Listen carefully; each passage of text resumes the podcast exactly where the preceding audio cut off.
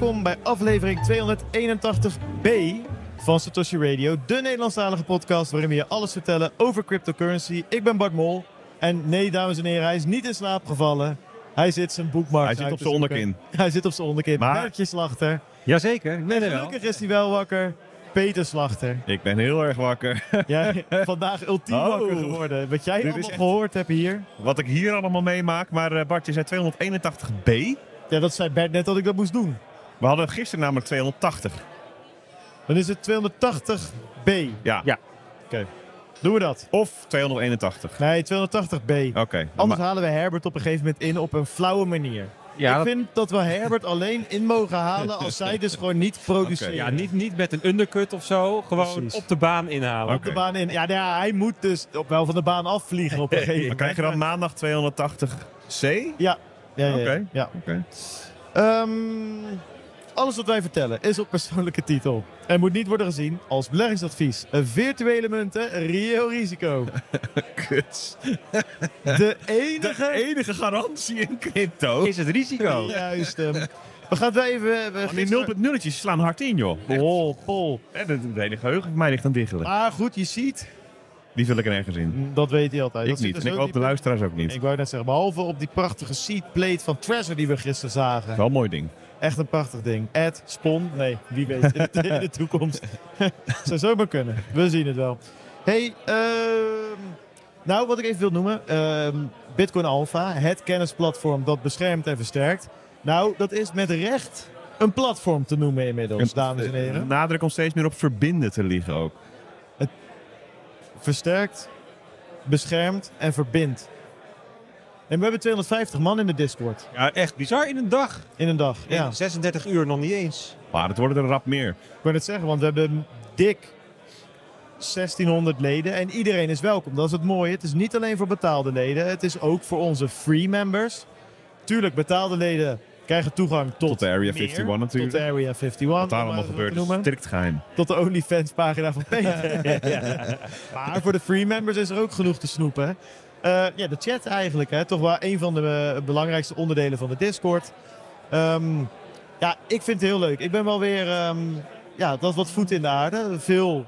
eh, Stijn heeft natuurlijk eh, geholpen met het maken van de bot. Maar dat gaat super soepel. Dus ook dat is top. Ja, ik ben er wel heel blij mee. En Mooi. jullie ook volgens mij. Zeker. Dus eh dat wilde ik even genoemd En ik, hebben. ik zag vandaag dat er zes mensen gebruik hebben gemaakt van de Bitcoin Amsterdam actie. Dat is ook wel leuk. ja, hangt, er, hangt, gewoon lid hangt, geworden. hangt het er niet voor niks. Zullen we die gewoon eh, eventjes actief houden? Een weekje tot na... Ja. tot, dan moeten mensen die luisteren en, en er ook, die hier niet zijn geweest, maar toch gebruik van willen maken, even naar bitcoinalpha.nl slash btcams. Ja. En dan krijg je, beste mensen, drie maandjes alpha Voor een tien. voor een tientje. Kost je een kopje koffie per maand, ik kun je niet laten liggen. Inclusief Area 51 toegang. Jazeker, jazeker. Waar je dus na die drie maanden, als je niet verlengt door Stijn zijn bot, hardhandig verwijderd wordt. Dat deurbeleid Ja. is echt eh, Maar uit die Area 51, maar dan alsnog ligt er een kussentje voor je klaar. in, in de chat. Ja, zo is het. Het is fantastisch. Eigenlijk wel. Dit. Ehm, en natuurlijk ook, je hebt allemaal Q&A mogelijkheden. Een beetje die clubhouse, hè, die online seminars. eh, dat, ja, het wordt wel, het, Discord biedt mogelijkheden. Laten we het daarop houden. En dat gaan we volop eh, gebruik van maken. Voordat we doorgaan naar met, ja, eigenlijk alle... We zitten bomvol met interviews vandaag. We hebben echt wel leuke mensen gesproken. Ehm, hebben we natuurlijk een bericht van onze hoofdsponsor. Bitfavo is de grootste crypto-exchange van Nederland... waar je gemakkelijk met de nadruk op gemakkelijk. En tegen lage kosten meer dan 200 digitale valuta kunt kopen, verkopen en bewaren. Dat kan allemaal. Geregistreerd bij de Nederlandse bank. Ehm, ja, wil je daar nou ook gebruik van maken? Wil je nou ook kopen, verkopen en bewaren voor die lage kosten? Dan kan dat, net als 1 miljoen anderen bij Bitfavo. 1 miljoen andere Nederlanders moet ik zeggen. Ja. Volgens mij eh, in Europa gezien is het nog wel wat meer. En dan wil ik net als gisteren even direct ook onze andere sponsoren ehm, een plek in de spotlights gunnen, zoals dat heet. Eh, want die maken ook nog steeds deze aflevering mogelijk. Anycoin Direct, Watson Law, Coinmers, Amdax, Finst en natuurlijk Bitfavo, zoals we net zeiden. Ja jongens, ehm kunt het even overnemen, want eh, mijn stem is... ehm, Nee, ik, ik, ik geniet ervan dat jij langzaam aan het aftakelen ja, bent. het Ja, vorig, vorig jaar hebben we echt het einde abrupt moeten afbreken. Omdat je alleen nog maar... Je, we zagen je mond bewegen. En er kwam niks meer uit. Dus Nee. ik, ben benieuwd of we het einde van de uitzending halen. Nou ja, kijk, ja, ehm, nee. Nee, het is nu op het punt dat het gewoon op een gegeven moment uitgaat. Dan is mijn stem weg. Ja, precies. Ehm, en ik kan nu met heel veel eh, moeite het nog wel een beetje redden. Maar het was de moeite waard, want ik heb heel erg veel, en dat was ook de bedoeling, we hebben expres iets minder talks, iets minder aftermovies, iets minder, noem het maar op, eh, in de planning staan, zodat we meer met eh alfa's en Satoshi Radio luisteraars konden praten. En nou ja, het, het is niet minder druk geworden. Maar ik heb heel veel enthousiaste luisteraars gesproken. Ik had net, ehm, eh, ik heb dat even opgeschreven, dat wilde ik nog even noemen. Sprak een jongen. De- Peter, jij zat, je, zat er, je zat erbij. Ehm, Schuldig. Ik ben schuldig. Jij bent schuldig. Even kijken. Eh, Sander, Sander Vermeulen. En eh, die zei, Bart, ik was hier vorig jaar ook. En toen was ik begonnen, ook mede door jullie podcast en de noodzaken, noem maar op, met een Lightning app. En ik ben nu wat verder. Joh, wil je eens een kijkje nemen? Nou ja, goed. ehm, je, ziet hier van alles langskomen, dus ja, ben je- ben je benieuwd. Maar hij had tenminste eentje gemaakt. Dus ik dacht van, nou ja, wat kan je in je eentje doen? Nou, best wel veel. Hij had een hele ehm, Lightning wallet gemaakt. En hij werkte met Block samen, zodat er ook een soort van eh, fiat eh, euro's naar Lightning conversie in kon komen. Ja, dat is wel heel vet. Dus dan wilde ik ook even, eh, even ons podium eh, gebruik maken om een shout-out te geven. Joh, en wil je Danny nou, of sorry, Sander helpen? Dan kun je even naar nodeapp.nl gaan. Eh, daar kan je e-mailadres achterlaten. En dan N-O-D-E. Node. ja, Node app inderdaad, eh. Maar wel heel cool. Eh, ik sprak andere luisteraars die zeiden van... joh, ik ben eigenlijk niet actief in de chat. Dat gaat me allemaal te snel. Dat boeit me niet zoveel. Maar ik luister wel elke week bij het koken. Ik luister elke week bij het hardlopen. Of bij het roeien. Of eh, sommige mensen die gebruiken het om in slaap te vallen. Mag allemaal. Waarderen we ook allemaal. Zeker. Maar het is heel leuk om al die mensen even te spreken. En, ehm, Zal ik jouw stem dan even rust eh, Ja. geven en even het eerste interviewtje inleiden? zeker, Zal ik doe dat maar eens. Ik zat net om, een, eh, om drie uur vanmiddag, dus twee uur geleden, zat ik, bij, eh, zat ik in de, op, in, op, op de Genesis stage. Nou, je zat op het podium. Nee, ik zat niet op het podium. Nou, ik bedoel, niet, je zat niet op de Genesis, je zat op de tribune. Ja, ik zat ja, in de Genesis. Dat is ook raar. Ik zat in de gashouder. In de hal. Ja. Ja, en er zaten drie mensen op het podium. Eén moderator, Grant McCarthy. Dat is iemand van de Bitcoin Policy Institute. Tom van Lamoen. Ik vind To The Moon nog steeds een betere naam voor Tom to the moon, zo noemen we Tom, hem gewoon. To The Moon. Tom van der Moon van de Libertaire Partij. En Jason Mayer. Ehm, die, die ken je misschien wel. Die is van A Progressive's Case for Bitcoin. Dat is een boek, En hè? Dat was dus een, ehm, eh, een debat tussen een progressief en een libertariër. Wat is nou, wat zijn nou de verschillende standpunten? Hoe kijken zij dan tegen bitcoin aan en tegen het scheiden van staat en geld en, en staatsinmenging in het algemeen? En ehm, ja, je mag best van mij weten, ik heb best ik, ik heb een aantal eh, grondbeginselen van, van, eh, van het libertarisme. Daar ga ik wel goed op. Als ik dat, door, dat doorredeneer, dan kom ik wel snel in de, eh, in, In de panarie. ja, met een aantal eh, problemen waar ik niet overheen stap. Eh, en Tom van Lemoen wel. Dat is niet erg, want ik vind het leuk dat hij die zienswijze vertegenwoordigt. En dat die zienswijze misschien ook de Tweede Kamer bereikt. Want Tom van Lemoen die heeft zich verkiesbaar gesteld. De Libertaire Partij gaat weer meedoen met de verkiezingen. 2021 deden ze het ook. En in 2017 hadden we toen een volle periode achter de rug. Waren ze, ik denk het wel, twee keer hebben ze Ze meegedaan. bestonden wel in ieder geval. Ehm, was het niet gelukt, hadden ze een stem of 6000 geloof ik. Dus De ze vorige keer, hè? Ja, ja, ja. dus ze moeten nu keer 10 gaan, want de, de, ja, de, drempel ligt op een eh, stemmetje of 60, 65.000. Ehm, ja, en we hebben Tom gewoon eens even gevraagd, veel, ehm, eh, hoe kijk jij naar bitcoin? Kan je eens even wat vertellen over dat eh, eh, libertarisme? Wat jij ehm, aanhangt en wat jij uitdraagt en wat jij evangeliseert. Ehm, ja, en, en wat je nodig hebt om eh, in die Tweede Kamer te komen. Dus daar gaan we even naar luisteren. Peet, Hey. zitten we weer op de vloer. nee, ja, we, gaan, we maken er een grapje van. En we gaan heen en weer van de, ja, van de aftertalk, zeg maar, naar de interviews die we gedurende de dag houden. En we zijn bij nummer drie. Ja, we, hebben, we hebben nu een, eh, ja, toch wel een hooggeëerde gast hè, die we over een paar maanden alleen nog maar eh, als functie aanspreken in plaats van met zijn naam. Ja, precies. En dat, dat, echt niet op jongens. En we zitten hier met Tom van Lamoen. En jij bent op dit moment de lijsttrekker. wat zei je nou? Tom to the Moon? Ja, Tom to the Moon. Ja, dat is ook nog kunnen. Nee, Tom van Lamoen. Ehm lijsttrekker van de Libertaire Partij. Klopt. Dan zeg ik het goed, hè? Ehm, ja, wij hadden het net al een beetje over. Ja, hoe, hoe gaan we dit gesprek in? Ik ben wel heel benieuwd. Ik ben niet... Ja, ik, of in ieder geval, ik heb voor, bij de vorige verkiezingen... Dat was twee jaar terug, drie jaar terug... had je natuurlijk eh, Robert Valentine, die toen de, de lijsttrekker was. Die nu met Boris de Viver Valentine podcast maakt ook. Ehm, die zag ik opeens met allemaal Bitcoin-logo's langs de snelweg bij mij eh, in Rotterdam verschijnen. Bij de Van Brienoordbrug en eh, waarschijnlijk op andere plekken in, eh, in het land. Dus ik, ken- ik ken het wel een beetje, maar ik ben benieuwd om te horen van wat is de Libertaire Partij nou? Wat, wat, ehm, wat willen jullie? Want waar, wij hebben een alfa geschreven een eh, week of twee terug. Een eh, nieuwsbrief. En ehm, daar ben ik eens gaan kijken met alle eh, eh, verkiezingsprogramma's van alle partijen die op dit moment in de Kamer zitten. Mhm. Wat zeggen die nou over Bitcoin? Ja. Nou, daar was ik snel klaar mee. Dat, Nee, dat- komt niet voor. Bitcoin komt als woord niet voor in geen enkel Crypto verkiezingsprogramma. wel, hè? Crypto een aantal keer wel. En dan vooral ehm, eh, het crypto minen en dat dat veel energie verbruikt en eh, dat soort dingen. We hebben het ook nog wat breder getrokken. En toen werd het wel interessant, want dit is eigenlijk geen artikel wat ik nu vertel. O- Open source. Nou, we zijn gaan kijken eh, wat zeggen ze over open source software. Moet de overheid uitsluitend gebruik maken van open source software bij hun softwareaanbestedingen?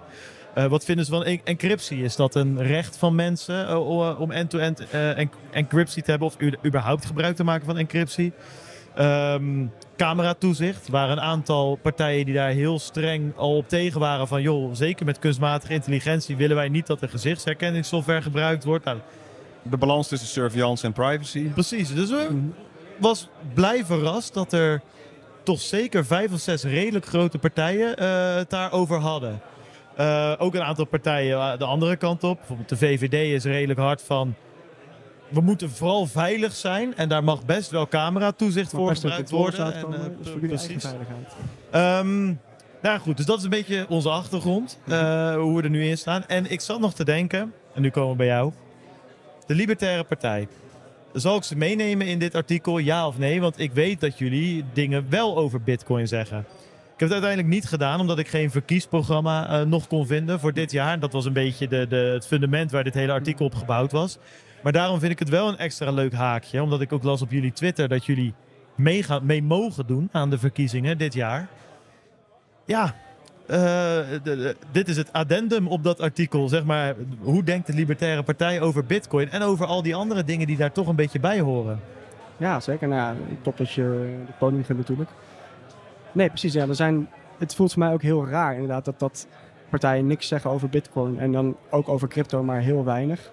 Maar dat ze inderdaad wel ehm, ja, het links versus rechts spectrum hebben over privacy en inderdaad open source. Hè, of, of patenten überhaupt ethisch zijn, dat soort dingen. En, en of die overheidsinvloed wel rechtmatig zou zijn. Daar, daar is natuurlijk wel dan discussie over. Maar waarom dan niet over bitcoin inderdaad? En, en ik denk dat, nou ja, ik zelf ben eh, heel erg Bitcoin-activist. Dat is ook waarom ik hier ben natuurlijk. Ja. Maar het, ik heb ook binnen de Libertaire Partij gezegd van ja, we moeten Bitcoin omarmen. Want Bitcoin is digitaal libertarisme uiteindelijk, voor mijn gevoel. En eigenlijk is Bitcoin voor mij, het leert mensen waarom we eigenlijk onafhankelijk van het centrale bank-industrial complex zouden moeten worden. En dat is, dat is voor mij heel belangrijk. En dat is wat, waar de Libertaire Partij ook de enige eigenlijk voor is. En, en precies wat je zegt, gewoon, gewoon ehm, eh, privacy en, en al die dingen erbij horen, dat is voor ons gewoon één rode lijn eigenlijk. Kan je, kan je eens één, één stapje terug doen en even Ja. de, de grondbeginselen van de, van de Libertaire Partij aan ons uitleggen? Ja, natuurlijk. Nou, eh grondbeginsel van het libertarisme is dat ehm, eigenlijk de staat geen eh, taak zou moeten hebben om jouw persoonlijke levenssfeer te beïnvloeden. Dus ehm, ja, gewoon het vrije marktprincipe in de extreme, zeg maar. Want eigenlijk, als je een vrije markt zou willen hebben, dan kan dat niet samen met, met een overheidsinvloed die ergens gaat sturen in die markt, positief of negatief, dat maakt niet uit.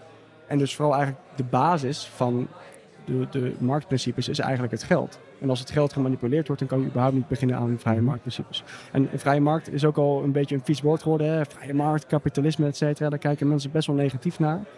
Maar het gaat voor ons gewoon om dat, dat het gaat om vrijwillige interactie. Dat alle, alle interacties, als jij iets koopt of wat dan ook, ergens aandacht aan besteedt, dat het een vrijwillige interactie moet worden. Want dan vindt het alleen maar plaats als allebei de partijen het ermee eens zijn. Hoe zou de, de, eh, de Nederlandse maatschappij veranderen als, de, als, als jouw partij een driekwart van de zetels in de Tweede Kamer zou hebben en ook driekwart van de zetels in de Eerste Kamer? Wat, wat gebeurt er dan? Ja, kijk, het ding is dat het een beetje een paradox is, want wij willen niet over mensen regeren. Wij willen juist mensen dat zij hun eigen leven eh, meer verantwoordelijkheid in kunnen nemen, dat zij hun eigen leven kunnen regeren. Maar mochten wij inderdaad op die plek komen, dan, dan gaan we wel eh, radicaal wat dingen doen natuurlijk. Dan gaan we ehm, geld en scheid, eh, staat scheiden. Want we willen niet dat die, de overheid die invloed daarin heeft. Dus we gaan heel veel van de overheid schrappen. En ons programma is ook ehm, dat we uh, minarchisme hebben. En dat betekent, de enige taak die de overheid dan nog heeft, is justitie, politie en defensie. En dat zien we wel als de laatste taak. Dat is gewoon rechtsbescherming, zeg maar. Dus dat de rechten van de mensen nog wel centraal staan. En dat en, en, en is het recht op gezondheidszorg, hoort het daarbij bijvoorbeeld? Hoe kijk je naar de, sociale vangnetten die we hier hebben? Nee, dat, dat, dat zien wij niet als een, een, recht. Want het probleem bij dat recht is dat het ook gelijk een verplichting met zich meebrengt. Als jij vindt dat jij recht hebt op zorg, dan vind jij eigenlijk dat jij andere mensen mag verplichten om jou die zorg te verlenen. Dus dat, wij zien dat als een paradox en onethisch. Oké. Dus, dus, daar zit een... Uh daar zitten de grote politieke debatten die je dan te wachten staan. Ja, zeker weten. Ja. En, en de vraag vooral is voor mij dan, kijk, wij zien de staat als eigenlijk de grootste monopolie. Want wij, de staat faciliteert iets voor ons en het maakt niet uit of je ziet of dat ethisch is of niet, maar wij worden verplicht via belasting om dat product te kopen eigenlijk. Dus de staat is de grootste monopolie. En daardoor zien wij altijd dat er machtsmisbruik op gaat treden. Dus zelfs als jij een staat hebt die compleet ethisch is en dat iedereen het beste wil voor de wereld, dan is het allemaal van een hele korte tijd. En dat laat de geschiedenis helaas zien dat het altijd corrumpeert als je zoveel macht hebt. Mhm. hey, is, de, is, de, is de staat de grootste monopolie uh, op dit moment? Dat, ligt natuurlijk aan het land een beetje. Er zijn misschien bedrijven die grotere uh, monopolies hebben. Als je kijkt, ja, misschien wel naar, naar Blackbox of, of dingen als Amazon of YouTube. Die zijn waarschijnlijk al groter dan een aantal landen natuurlijk. Maar het is, het is eigenlijk... Ik heb altijd de vraag aan mensen, noem mij één monopolie die niet zijn macht heeft verkregen via de staat. Want het is de staat die eigenlijk faciliteert via van alles. Via patenten dus ook vooral, via belastingkortingen, via regulering in de markt. Die eigenlijk, als je kijkt in de praktijk, de markt alleen maar centraliseert. Dat zie je ook bij, bij de, de boom-bust cycles die de, de centrale bank uh, organiseert. Zie je eigenlijk alleen maar dat daardoor de kleine banken kapot gaan en de grootbanken hun weer overkopen. Dus je krijgt centralisering in de markt, waardoor die grote bedrijven juist weer beter kunnen lobbyen bij de overheid. En het is een vicieuze cirkel. Nee, dat, dat herken ik ergens wel. Alleen Kijk, waar mijn vraag een beetje inderdaad van, vandaan komt, is dat er vaak gezegd wordt van inderdaad, een, een volledig vrije markt zou een beter systeem zijn dan uh, het, het, huidige ja, systeem waar we in zitten, hoe je het ook wil mhm. noemen. Het is een soort mengelmoes van dingen. Alleen, ja, dat. Het is we zijn geen computerspel aan het spelen waar we kunnen zeggen: Oké, weet je wat, uh, deze save game laten we even voor wat het is. We mhm. laden gewoon, we gaan terug naar 1600 en we beginnen met volledig vrije markt. Of mhm. weet ik, we gaan terug naar 1000. Of we gaan terug naar voor Christus. Dat kan ook. We beginnen mhm. met een volledig vrije markt. We hebben nu eenmaal een Facebook, een BlackRock, een Apple, een, een, een Google. Die mede dankzij de staat of niet heel groot zijn geworden bij monopolisten. Met dingen als kunstmatige intelligentie, biotechnologie waarschijnlijk alleen nog maar groter gaan worden. Als we nu, hè, stel uh, met jullie partij gaan we van binnenuit de staat uh, afbreken, of in ieder geval die, die macht terugnemen. Mhm. Heeft dat nog zin als je zulke molochen hebt? Of moet je dan eerst, als je dus aan de macht bent, eigenlijk weer dus een paradoxale situatie, dat je dus je macht gaat gebruiken om die grote bedrijven kleiner te maken. En mhm. eigenlijk dus weer de markt aan het manipuleren bent. Dat is natuurlijk, die, die paradox kom je telkens een beetje indenken. Zeker mag, mag ik hier even kort aanvullen? Ja. Ook om te voorkomen dat we in een politiek debat belanden. Want ik, ik, ik ehm, stelde de vraag ook om even mensen uh, um, in aanraking te laten komen met het gedachtegoed. Mhm. En gewoon even een aantal uh, standpunten en principes te laten langskomen. Ja. Uh, ik denk dat dat goed is, dat dat geluid te horen is. En er zijn natuurlijk heel veel verschillende standpunten. En op al die vraagstukken heel veel verschillende meningen. Ik heb zelf ook een mening. Komt ook niet helemaal overeen met wat je zegt. Mhm. Eh, maar dat is oké. Dat is juist het prettige van een democratie, vind ik. Ehm, ik zou graag dan even de overstap willen maken naar wat Bitcoin dan voor rol speelt mhm. in het gedachtegoed. Is Bitcoin voor de libertaire, is het de libertair of libertarische partij? Libertarisch? Dat was vroeger de libertarische partij, met het de libertaire, libertaire partij. Is dat een, um, een marketing stunt om bitcoiners aan te spreken? Of zit het echt in het DNA? Nee, het is, ja, voor mijn gevoel is het één. Kijk, ik ben zelf dus al ver voordat ik interesse in politiek kreeg, ben ik activist tegen ja, het centrale banken, uh, bankensysteem. En voor mij is bitcoin ook echt belangrijker dan politiek uiteindelijk. Kijk, dat is het ding. Wij, wij hebben ik heb, ben zelf binnen de Libertaire Partij de Bitcoin-factie gestart. Om mensen in te lichten over Bitcoin. En dat Bitcoin eigenlijk de meest praktische manier is om libertarisme toe te passen. Maar het ding is, wij gaan ook juist niet vanuit de politiek Bitcoin forceren op mensen. Want dat, dat staat tegen onze DNA. Hmm. Wij willen alleen, ehm, dus stel je voor dat wij inderdaad in de Kamer komen en dat wij dingen moeten gaan afbreken. Wij gaan niet dingen forceren af te breken. We gaan alleen de markt vrijer maken. We gaan alle drempels uit de markt halen. En wij zijn ervan overtuigd dat Bitcoin als geld zal winnen in de vrije markt. Dat is ook ons standpunt. Maar wij hebben het wel specifiek opgenomen, omdat wij heel graag Bitcoin willen laten zien. En wij, wij voelen dat Bitcoin mensen leert waarom we Bitcoin nodig hebben. Er komen mensen komen naar Bitcoin toe, dat hoor je heel vaak. Kom je er naartoe omdat uh, number go op en je kan er Ja. geld mee verdienen. Maar ze blijven voor de filosofie. Als ze doorhebben wat Bitcoin betekent en dat wij verantwoordelijkheid over ons eigen leven kunnen nemen, dat wij onafhankelijk kunnen worden van een third party, wat, of dat dan de bank is of wat dan ook. Dat, dat activeert mensen en dat is echt het libertarische gedachtegoed. Wij, wij willen ook zo van inspirerend zijn dat mensen echt die verantwoordelijkheid over hun eigen leven kunnen nemen en moeten nemen en waarom het nodig is. Dus precies wat je zegt. Voor mij is Bitcoin en libertarisme echt gewoon één DNA. En waarom, waarom past zoiets als ehm, eh, een centrale bank met het monetair beleid dat ze voeren dan niet bij het gedachtegoed?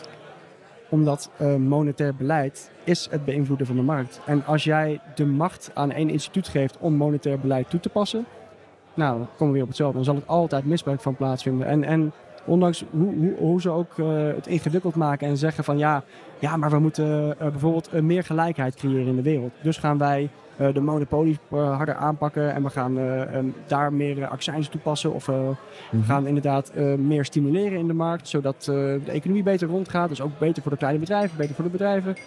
Ik zie alleen maar dat op de lange termijn zijn er altijd alleen maar negatieve gevolgen aan monetair beleid. Je krijgt die boom-bust cycles en door die boom-bust cycles, we zagen, coronatijd is eigenlijk het beste voorbeeld. Daar hebben ze eigenlijk alles wat er aan monetair beleid gebeurt, hebben ze in de extreme in een hele korte tijd gedaan. En het enige wat je ziet is, er zijn door die twee jaar nog nooit zoveel groei in biljonairs geweest en nog nooit zoveel groei in mensen die bij de voedselbank terechtkomen. De, de kloof tussen arm en rijk wordt alsmaar groter als er monetair beleid toegepast wordt. Maar vind jij dan dat Bitcoin inherent geen monetair beleid heeft?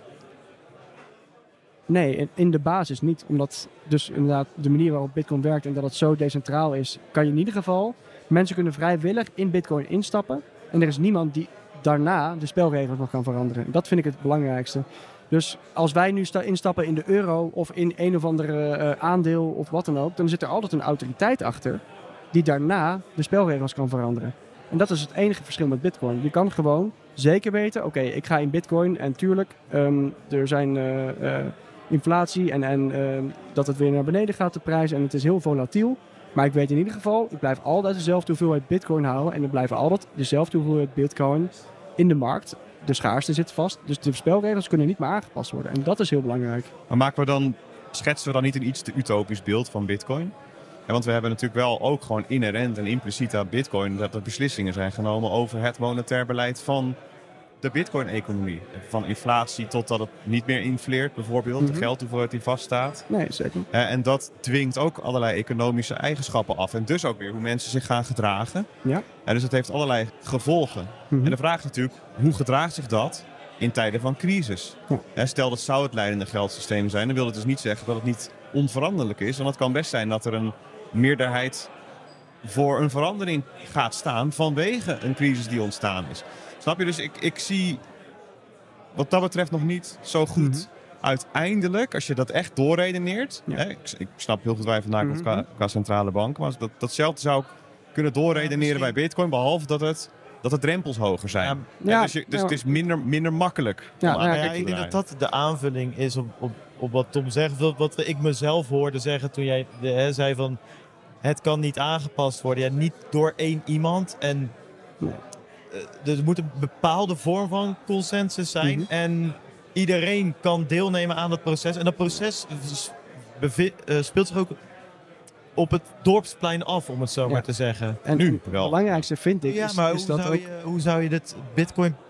Ik zie ook niet per se hoe je in de toekomst het Bitcoin-protocol eh, achter gesloten deuren aan kan passen.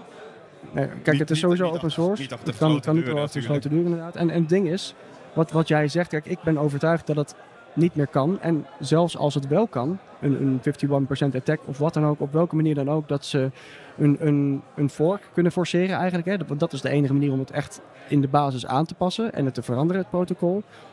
Dan is het alleen maar een fork. En er zijn, kijk, dat vind ik zo mooi. En juist nu, al in, bij deze conferentie, het is een bear market. En echt de activisten die hier zijn, dat zijn de mensen die ten alle tijden iedereen zullen inlichten over wat er gebeurt. Het is open source, kijk wat er gebeurt. En er komt een fork aan. Nou ja, dat was, was ook, uh, wordt heel vaak gezegd. Wat, wat gaan we doen als die fork komt?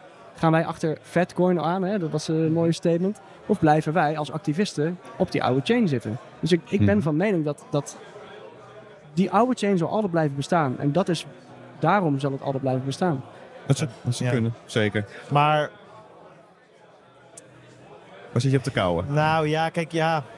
Ik, ik, ik, het klinkt misschien een beetje flauw. Um, maar ja, hoe noem je dat? Uh, van, van, die oude skeletten van dino's of zo. Ja, die bestaan ook nog steeds. Mm -hmm. Ja, dat is misschien wel een goede voorbeeld. Er bestaan gewoon heel veel dingen in de marge nog steeds. En ik ben met je eens, Bitcoin, je kan altijd.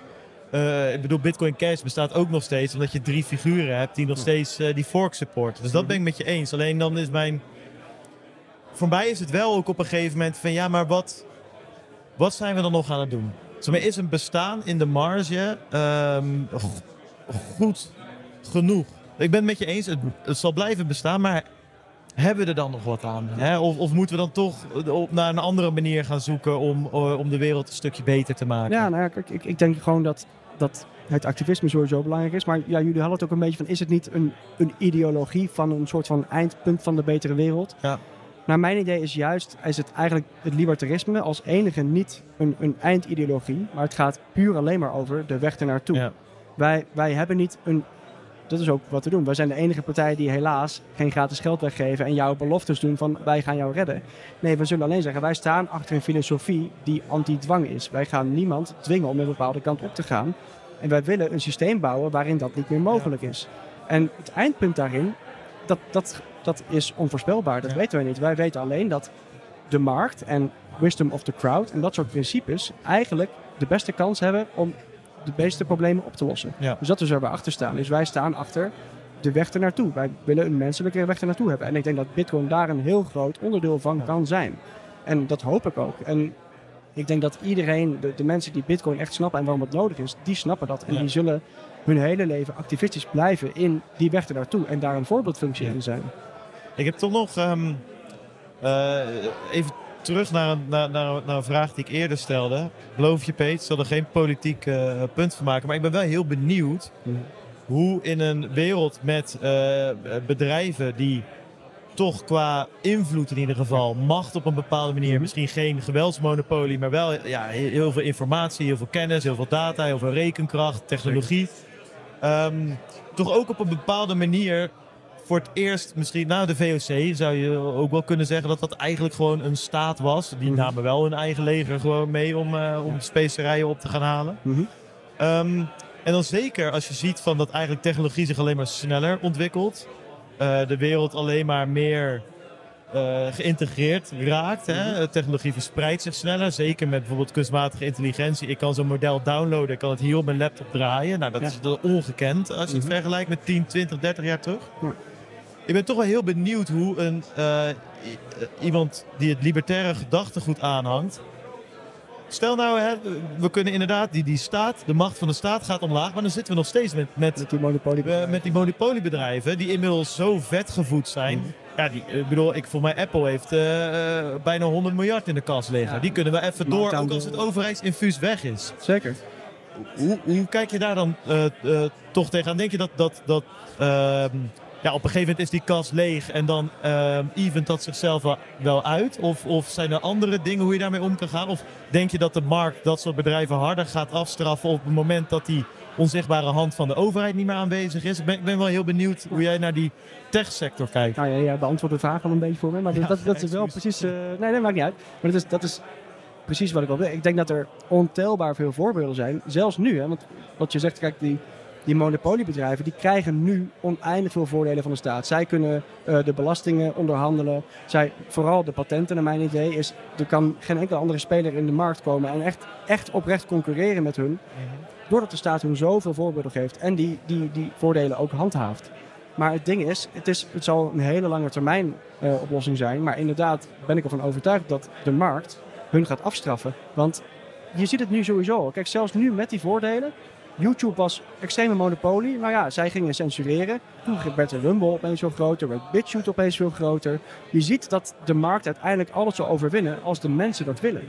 En, en kijk, je kan alleen maar misbruik van jouw marktpositie maken als je die monopolie hebt. Maar dat is wat ik blijf zeggen. Je kan alleen maar die monopoliepositie behouden als de overheid hem voor jou handhaaft. Dat, is, dat ben ik echt van overtuigd.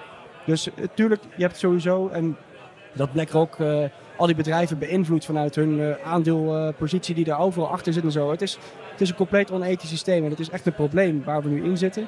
Maar ik ben ervan overtuigd dat als je die, die third party, die overheidsinvloed met de monopolie op handhaving, ook geweldsmonopolie dus. Als je die er tussenuit haalt, dan zal de markt weer kunnen stabiliseren en gewoon, um, ja, dan, dan moeten die bedrijven, de enige manier waarop ze nog bestaansrecht hebben, is hun klanten behouden. Dus dan moeten ze weer een ethisch product gaan leveren. Ja, ik, uh, ik vond het een leuk gesprek. Ik, uh, oh, ik, oh, ik, ik, wilde graag nog even. Oh, mag? Ja, ja, ja. nee, ja, tuurlijk mag je, maakt het me heel moeilijk, Bart. Wat? Ja, jij, jij houdt ervan om het toch een politiek teentje te geven. Maar is dat niet. Hoezo is het? Daar ben ik dan oprecht benieuwd. Nou, omdat, omdat de, de argumenten eigenlijk om een weerwoord vragen. En ik moet, ik moet mijn best doen om er niet een debat van te maken. Mm -hmm. En. en uh, dus ik vind het heel leuk om, uh, om mensen even de, gewoon zonder weerwoord de standpunten te laten horen. Mhm. Ja. En niet te veel in te zoomen vervolgens. Um, uh, om op te passen dat het niet een soort uh, propaganda ja. praatje wordt. Nee, dat snap ik. Maar dit en, is toch een objectief kan je vaststellen dat er voor het eerst... Nee, nee ik bedoel, dit is niet een objectief verhaal, natuurlijk niet. Wat, het, mijn, mijn vraag... Maar, nee, het, maar het verhaal, het antwoord over, over monopolisten nee, en als de staat verdwijnt. Tuurlijk, daar, daar en, kan je van alles van zeggen. Maar het is wel... Ik denk dat je er niet aan ontkomt als je als liber, libertair een uh, argument over de staat hebt. Ja, misschien in 1950... Ja, maar toen, misschien had je de, de kerk daarvoor nog of zo. Je hebt altijd natuurlijk wel grote instituten gehad. Maar het feit dat bedrijven bijvoorbeeld gewoon puur qua um, uh, identiteitsgegevens die een Google heeft, uh, trackinggegevens, dat soort dingen, denk ik dat zij meer van mij weten dan de staat. En de staat die kan dat dan opvragen bij Google, dus die kunnen uiteindelijk ook wel dat profiel van mij bouwen. Maar dat vind ik wel een relevante vraag. Dat je, als, hoe ga je met dat soort partijen om als de staat niet de enige is? Hey, ik snap dat er duizend relevante vragen zijn.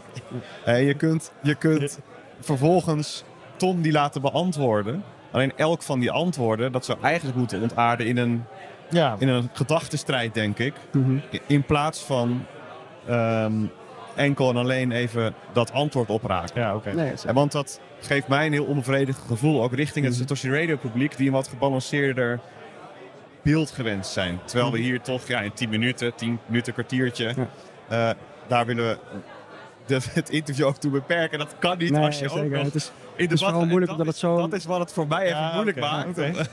maar ik wil wel graag even naar de verkiezingen toe, nog. Want waar ik wel benieuwd naar ben, want jullie hebben nu de... Uh, gefeliciteerd daarmee trouwens, de mogelijkheid om überhaupt mee te kunnen doen. Hoe werkt zeker. dat ook alweer? Ja, je moet in elke, als partij die geen zetels heeft, dus, dus ja, dat zijn ook, ook andere partijen die al helemaal staan, net als onze Piratenpartij en Splinter en zo, ja. moet je dus 30 ondersteuningsverklaringen per kieskring halen. En Nederland is verdeeld in wat, 20 kieskringen. Wat is zo'n ondersteuningsverklaring? Ja, dat is een, een formuliertje waar je dus eigenlijk onze lijst, onze lijst waarmee we meedoen aan verkiezingen, ondersteunt. En die moet jij zelf dus één individu? Ja. Dus 30 individuen per provincie? Ja, per kieskring. Dus dat is Oh, klein op de provincie. Maar die moeten dus mensen echt uitprinten en op het gemeentehuis gaan tekenen. Krijg je een stempel van het gemeentehuis. Het is best wel wat moeite. Het is best wel lastig voor kleine partijen om dat voor elkaar te krijgen. Maar dus ja, we zijn wel heel blij dat... eh, je hebt er ook maar twee weken de tijd voor. Dus binnen die twee weken doen wij nu in alle kieskringen en provincies mee, inderdaad. En, en hoeveel stemmen heb je nou eigenlijk nodig om in de Tweede Kamer terecht te komen? Ja, dat ligt een beetje aan de kiesdeler. Maar dat is gemiddeld zo rond de 60, 70.000 stemmen voor één zetel. En, en eh, wat zijn je verwachtingen? Ja, het blijft heel moeilijk. Het blijft een kleine partij. We bestaan al 30 jaar. Ehm, maar ja, we voelen wel dat het gedachtegoed extreem voelt. En ook globaal. Hè? Wat, je, wat je nu weer ziet met Argentinië, met Milei. Dat is echt een hardcore libertariër die de centrale bank wil afschaffen. Dat, dat zag je in, verleden tij- in de verleden tijd, zag je dat ook met Ron Paul. Hè? Die opeens een, een wave aan libertarisme door de hele Ja. wereld heen bracht. Je weet niet wat er kan gebeuren, maar je ziet wel dat ook de economische staat in de wereld steeds meer er naartoe gaat dat libertarisme misschien wel nodig is en dat het een draagvlak heeft. En Ja. ook, ook de manier waarop wij nu ja, bitcoin goed. En bitcoin is voor mij één met, met dat mensen leren waarom libertarisme nodig kan zijn. Ik ben zelf, zit ik in onderwijs, ben ik thuisonderwijzer. Is ook zo'nzelfde groep die echt heel erg one issue onafhankelijk van bepaalde overheidswetgeving willen worden. We merken wel dat het echt, echt heel erg Is, is exponentieel aan het een, is groeien het is. een eh, ledenpartij? Dus er zijn, er, eh, zijn er gewoon mensen in Nederland die lid zijn van de Libertaire Ja, Partij? zeker. Nou, Hoeveel, kijk, hoeveel leden hebben jullie dan? Ja, we gaan eh, nu richting de duizend leden, geloof ik. De laatste cijfers heb ik niet helemaal up-to-date. Tijdens verkiezingen krijg je er veel bij natuurlijk.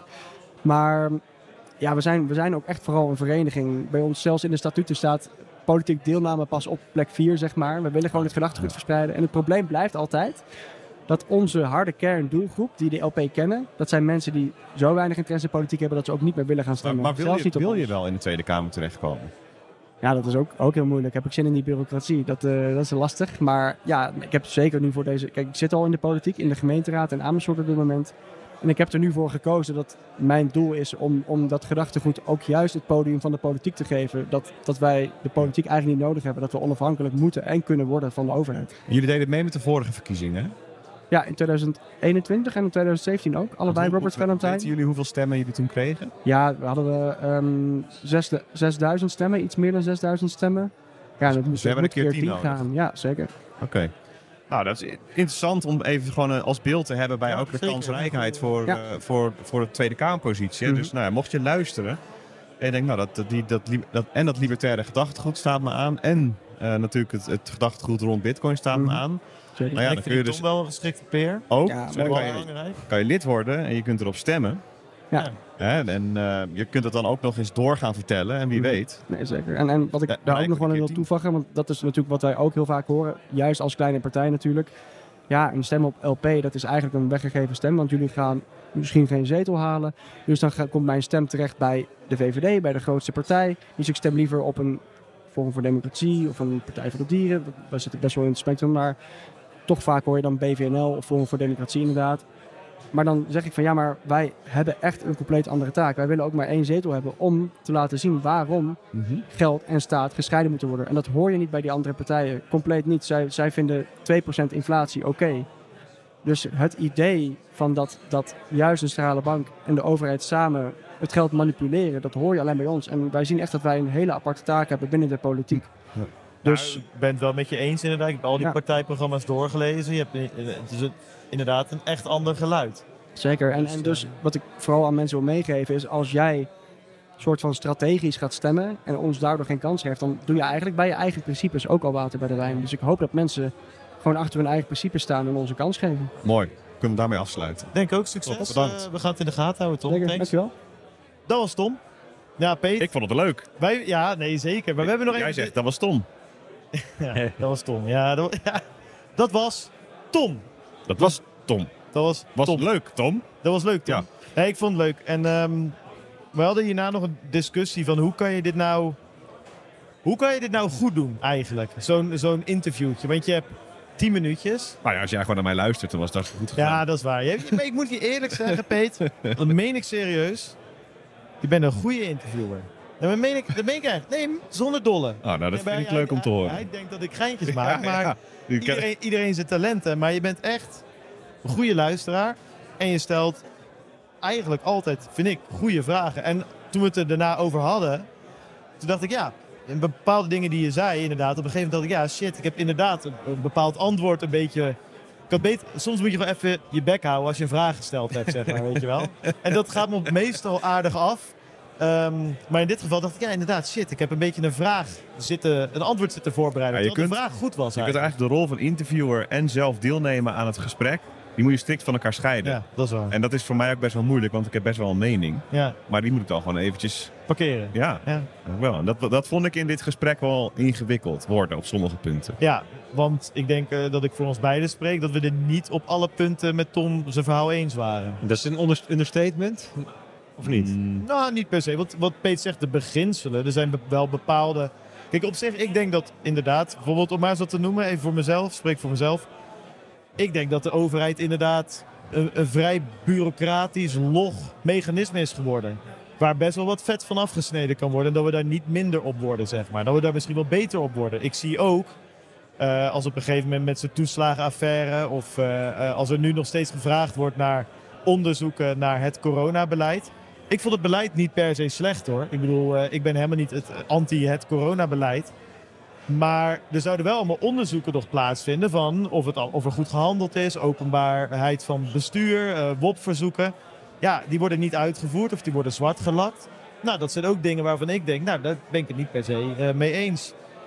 Ik ben op zich, een snap ik de, de voordelen in theorie van een volledig vrije markt. Om maar eens wat te noemen. Maar ik ben dan wel, eh, denk ik wel vaak, ja, maar de realiteit is geen theorie.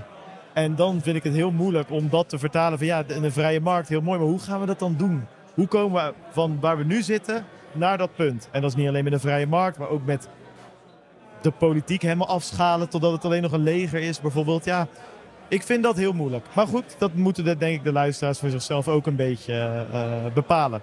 Laten wij verder gaan, want we hebben nog heel veel eh, te bespreken. Ik denk, Bert, we kunnen het niet maken om niet in ieder geval een klein, kort marktupdateje te doen. Ehm, ja, voor de volledige marktupdate moeten de luisteraars gewoon naar Bitcoin Alpha gaan. Want jij hebt vandaag weer, nou, respect, keihard zitten werken. En Peter trouwens ook, om, eh, om het te reviewen. nou, dat, wat ik deed, dat, eh, dat, dat is niet te vergelijken met... eh Nee, dat is waar. Kijk, maar het moest wel gebeuren. Bert heeft een marktupdate geschreven terwijl hij met tien luisteraars in gesprek was. Ja, maar dat, dat, Misschien heeft hij nu wel, misschien is het wel een gespreksverslag geworden wat jij wil. Ja, dus het zou best kunnen dat er nog gek een boodschappenlijstje, zo, Ja, eh, ja, ja, ja. een sms'je naar mijn moeder, het kan er allemaal in staan. Maar goed, dus als je de volledige, ongefilterde marktupdate wil, eh, wil luisteren of wil horen, luisteren kan ook, onze artikelen.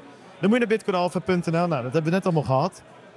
Bert, kunnen wij er eens wat uitpakken van een minuutje of tien, ehm, waarvan je zegt, nou, daar moeten ze het mee doen deze week, maar wat wel interessant is. Zeker. Ehm, kijk, er is ook niet ontzettend veel spectaculairs gebeurd op de financiële markt. Ja, daar hebben we geluk mee dan. Ja, daar hebben we best geluk mee. Er waren best wat dingetjes die spectaculair hadden kunnen worden. Bijvoorbeeld ehm, een oorlog in het Midden-Oosten. Ja. Bijvoorbeeld de inflatiecijfers die gisteren eh, bekendgemaakt zijn. En de notulen van de laatste vetvergadering. Eh, die laatste twee, dus de inflatie en de notulen, die waren allebei conform verwachting. Ja. Eh, dus geen verrassingen. Dus ja, dan Ja, gaat geen bericht, goed bericht een beetje. ja, dus ah, kijk, als er geen verrassingen zijn, dan betekent het eigenlijk dat, dat die uitkomst ingeprijsd is, zoals we dat dan noemen. Met andere woorden, die informatie was al verwerkt door de markt. Dus ja, weet je, de financiële markten, die, ehm, daar is niet iets heel groots wat we moeten bespreken. Nou, dat is mooi, komt mooi uit. Kijken we naar Bitcoin, dan ehm, op de cryptomarkt in zijn algemeenheid, daar geldt min of meer hetzelfde voor.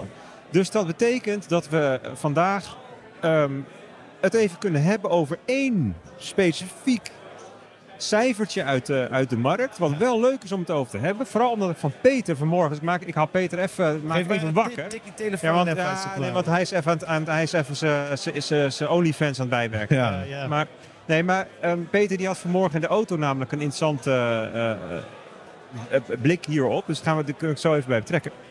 Maar ehm, wij volgen de, de koers van het GBTC-aandeel. Hè? Ja. ja, dat was de boekmark van gisteren. Toch? Daar kwam je toch mee, Peter? ja, zeker. Ja, ja. Wat was het boekmarkt van gisteren? Nou, oh ja, dat- precies, daar, daar hadden we het gisteren Ja, over. ook. Nou ja, dat, ja, dat hadden we het op, dat, precies. Dan moet je luister even terug. Dat staat in de podcast-app als 280a. Ja, precies. soort van. Dan kun je hem Ja. vinden. Hè, maar, ehm, ehm, en ik heb dus vandaag even gekeken naar de GBTC discount. Hè? Ja, ja. Dus hoeveel goedkoper is nou eh, de koers van Bitcoin als je ehm, GBTC-aandelen zou kunnen omzetten naar Bitcoin? Hè? Dat is dan even. Stel dat je dat zou kunnen. Hoe goedkoop zou dan Bitcoin zijn Ja. via die route? Ehm, en hoeveel goedkoper is dat dan de echte Bitcoin-koers? Nou, die discount, hè, dus hoeveel goedkoper dat is, dat was ooit 50, meer dan 50 procent. Ja, toen, toen, toen de de- fut op zijn hoogtepunt Op zijn was, diepte, eh, ja precies, dieptepunt. Ja. En ehm, dat was al eh, eh, de laatste keer dat we ehm, eh, zeg maar het uitgebreid bespra- bespraken was het 18%. Terugloopt het 18%. En we bespraken het toen omdat het juist heel erg naar nul, of in ieder geval... Eh, ja, beter was geworden. ja, inderdaad. Hè? En dat was eh, in de buurt van al die, eh, de, rechtszaak van Grayscale en SEC. Ja. Daarna werd het weer ietsje slechter. Dus 18, 19, 20 en 22 procent. En de laatste paar dagen is het weer gedaald, Ja. discount. We zitten nu op 16 procent. En dat is het laagste punt sinds eh, ergens, volgens mij 7 december 2021. Hier Ja. kunnen we wel zeggen sinds Sint-Jutemus. Sinds Sint-Jutemus. Ja. Tot in Sint-Jutemus. Nee, maar dat is la- lang, lang geleden. En ehm, Doe maar 2021. Ja, Dat, beter. dat, dat betekent dus dat, dat in de afgelopen week blijkbaar er een reden was voor investeerders om ehm GBTC te kopen. Ja. Wat is die reden geweest? Nou, ik hoop dat jij een antwoord hebt. Nou, ik weet ook niet. nee, Ik weet oprecht niet precies. Ik, heb wel, ik kan wel even een van mijn boekmarkjes meteen doen. Ja, ja doe maar. Ja. Want ik las namelijk wel ehm, ehm, ehm, Eric Belchunas. Ik weet nog steeds niet hoe hij zijn achternaam goed uitspreekt. Maar dat is een van de twee fat eh, eh, eh, sorry, ehm ETF-watchers. ETF watchers, ja. Ja, van- van Bloomberg. Over die, eh, over die gasten dat halve bitcoiners zijn geworden. Het zijn half bitcoins, Ja, is ja, ja. one of us. Ja. Ja, ja. Maar die, ehm, die, die tweeten over ehm, wat er, ja, dat, dat verschillende ETF-aanvragers aanpassingen hebben ingediend Ja. in hun ETF-aanvraag. En die aanpassingen die komen volgens ehm ingewijden voort uit een gesprek wat er gevoerd is met SEC. Dus de SEC die heeft naar verluid, schijnbaar, Instructies gegeven. instructies gegeven. Ja. Die, is in overleg gegaan. Dat doen ze dus bijna nooit. Maar ze zijn in overleg gegaan. Ze hebben jongens, als jullie willen dat dit wordt goedgekeurd, dan moet je dit nog even aanpassen.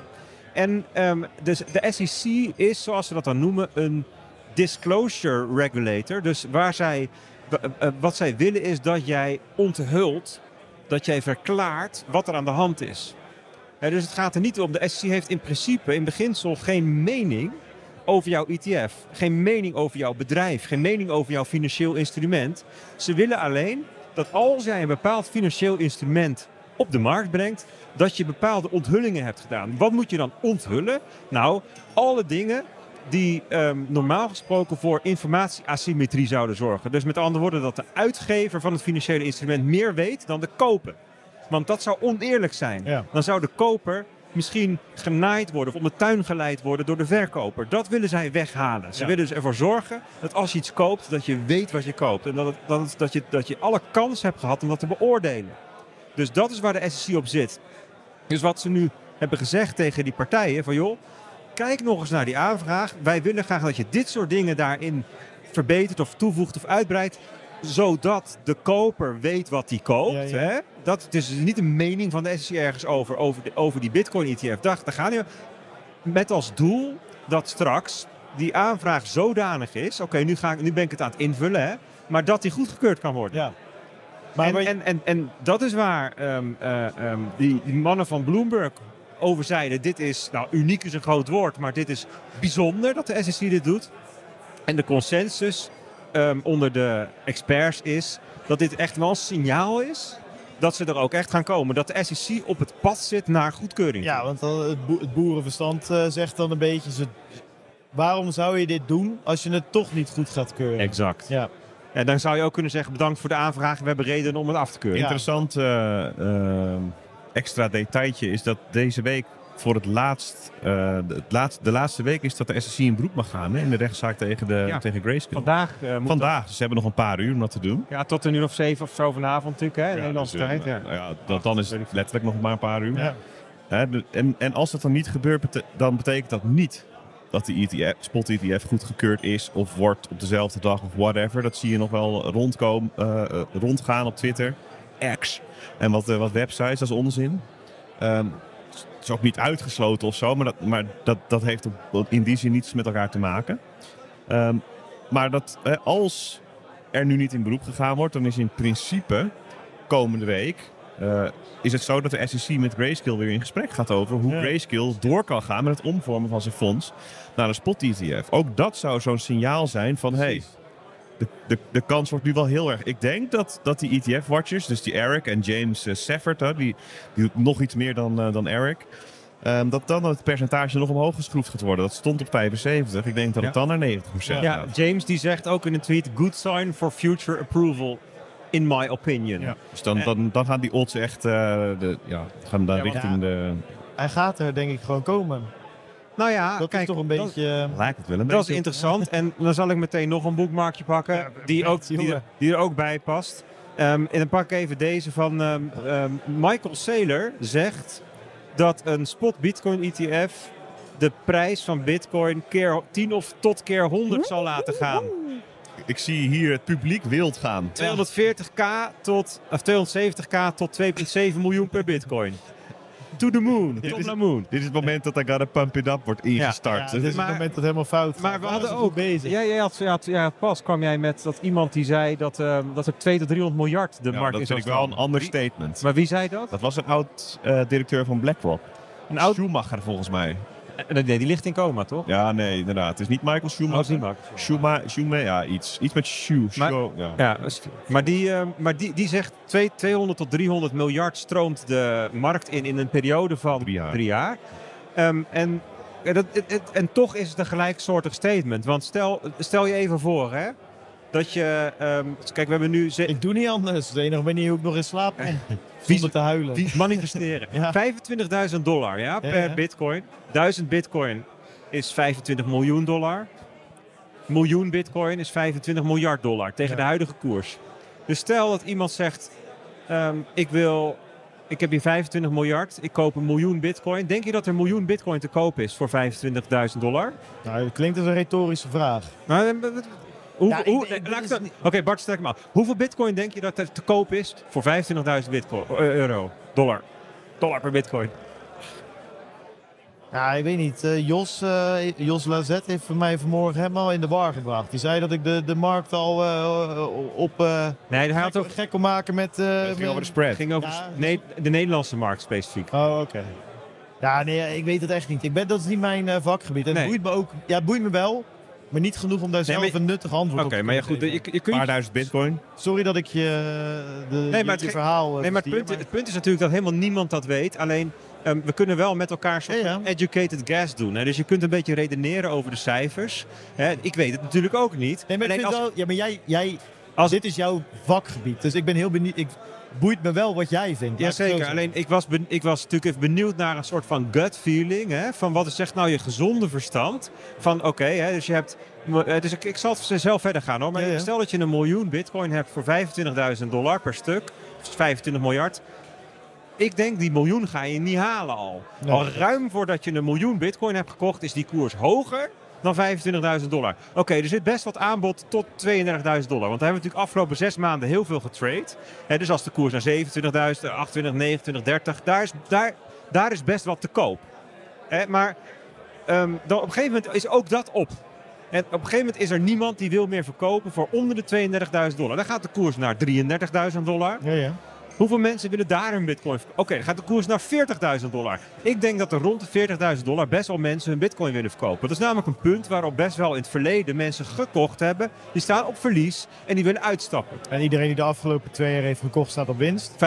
50.000 dollar, 60.000 dollar. Ik denk dat je tegen die tijd misschien echt wel een paar honderd, misschien wel een miljoen bitcoin hebt kunnen krijgen. Alleen dan heb je pas 30, 40 miljard van de 300. Ja. Weet je wel, dus als je zo redeneert en je wilt daadwerkelijk voor 300 miljard een bitcoin kopen, dan moet die koers dus boven de 50.000, 60.000, 70.000, 100.000 dollar. Als jij 100.000 dollar wil, moet je dus voor 300 miljard 3 miljoen bitcoin verkopen. Er is niet 3 miljoen bitcoin te kopen Ja, voor kijk, 100.000 daar- dollar. Daar, daar, nee, je kan, je kan zou überhaupt eens kunnen beginnen. Hoeveel hebben we nu in de omloop? 18,5 of zo? Ja, 19,5. Nou, dan trekken we sowieso die miljoen van Satoshi eraf. Laten we zeggen, nou, Ja, is het op 17 iets in die 3 richting. miljoen mag je eraf trekken. Ja. Aan, Eh, aan, eh, is sowieso ook nog wel... Er, ik denk dat er meer kwijt is dan we denken. Aan die miljoen die jij in je wallet hebt natuurlijk. Ja, maar die Blijft ook staan. Die, maar die verkoop ik dus wel 50 ja, ja, ja. Vandaar dat ik in de war ja, ja, ja, ja, hier, ja, het is gemaakt. 25.000. Oh joh, hier. Kap ik ermee, hang mijn microfoon aan de wilgen. Ga ik lekker met Hugh, eh, hoe heet die, die van gisteren, die schot, ergens Oh, op de Bahama's eh, koop jij Bahama's over van hem? Precies, Hugh Henry. Nee, maar, maar snap je mijn redenering Ik van... Zeker, van, dus dus. Dat, je, dat je, als je zegt... dus- Dus daar, mijn punt is van... die, die 300 miljard aan inflow die die, die ehm, meneer voorspelt, de Schumacher, in drie jaar, dat, dat komt min of meer neer op de, de estimated gas van, Van Sailor. van Sailor. Die zegt tussen de 270 en de... Wie, wie was eerder? Die eh Sailor heeft wanneer, wanneer heeft oh, dat weet ik niet. Het is iemand die hem citeert. Dus. Oh, oké. Maar ja, dus dat is even, even te- terug naar het verhaal van de ETF's. Dus ehm, ja, dat, dat wordt door diverse mensen als echt serieus bullish gezien. Ik moet het nog zien. Hè, maar la- laten we eens even... eh, het is, het is een interessant. Nou, dan rollen we hem nog even verder terug. Ehm, de mensen van eh, Bloomberg zijn positief.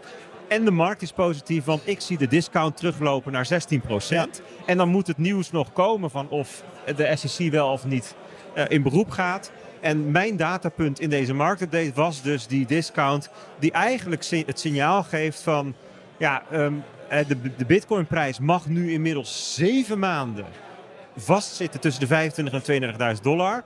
Maar de markt, de experts van, de, van Bloomberg, de Michael Saylors van deze wereld, allemaal zijn ze toch behoorlijk bullish. Er borrelt wat, zou Er borrelt wat. Ja. En dat was de markt.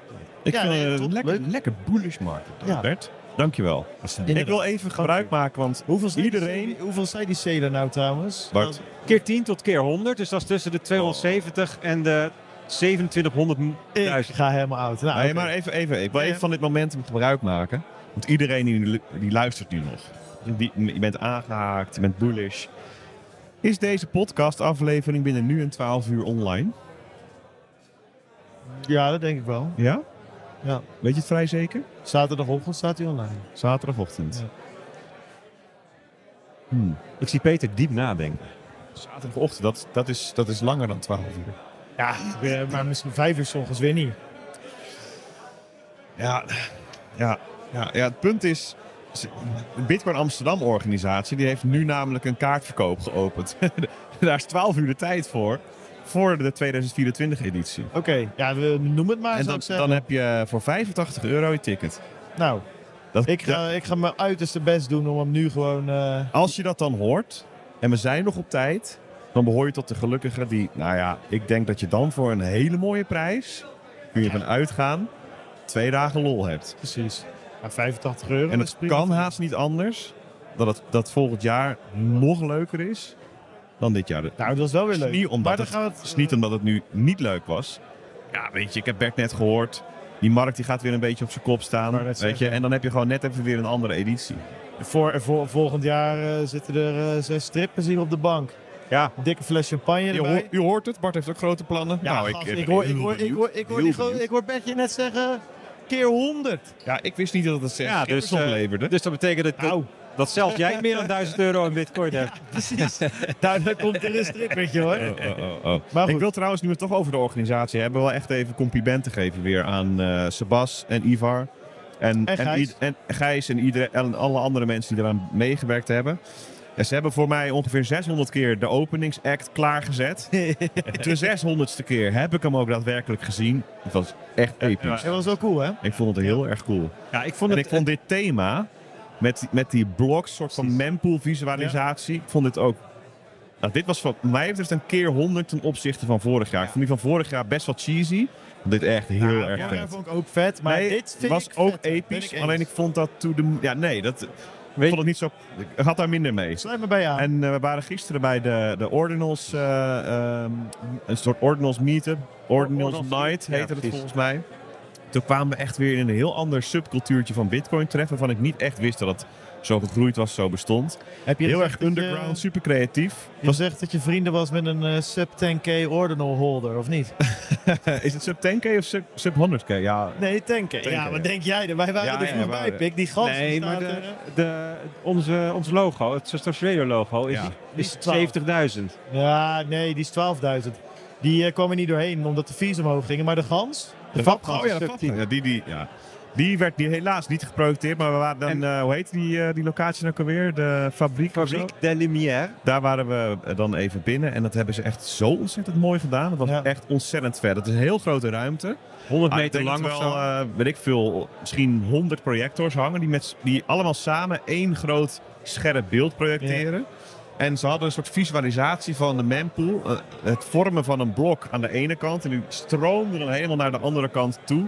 Ah, dat was echt geniaal. Daarna werden er allerlei eh, NFT-achtige collecties weergegeven. en weet ik. Jij Maar- graaien daar op je knietjes. Ah, Om al die NFT's die Nee, maar- in te duwen. Ik, het, het, het thema van ehm, dat, je, dat je zoiets heel technisch als transacties en een blok zo mooi kan visualiseren. dat hebben ze echt dat vind ik echt. ehm, dat is echt wel een verrijking. zeg Het tof is natuurlijk dat er een soort van, in al dat soort processen zit een soort van randomness waar je, waar je heel Klopt. tof Wat- kunst wat mooi is Dat is gewoon, eigenlijk gewoon een hele kunststroming eh, inderdaad. Maar En dat, het- ze hebben daar gewoon eh, nagedacht over de beleving. En dat hebben ze hier op de, op de conferentie goed gedaan. Dat hebben ze daar goed gedaan. Dat is weer een ander element van de beleving. Dus wat dat betreft, eh, chapeau. Dus toch even complimentjes uit aan delen, uit aan delen zijn. Ik was gisteren eh, helaas niet naar die Ordinals Night. Dat had me erg leuk geleken. Ik dacht, ik laat mijn hoofd, weet je, splitsen. Dan zijn we overal aanwezig. Ik was even bij Braai, bij de jongens van... Laat je hoofd splitsen. Nee, wij. Gewoon als Oh. drie eigen Siamese tweelingen. of Die zo. eigen ziekloop. Precies. nee, ik dacht even bij de jongens van Connect the World, Stef eh, en Ed en Ramon.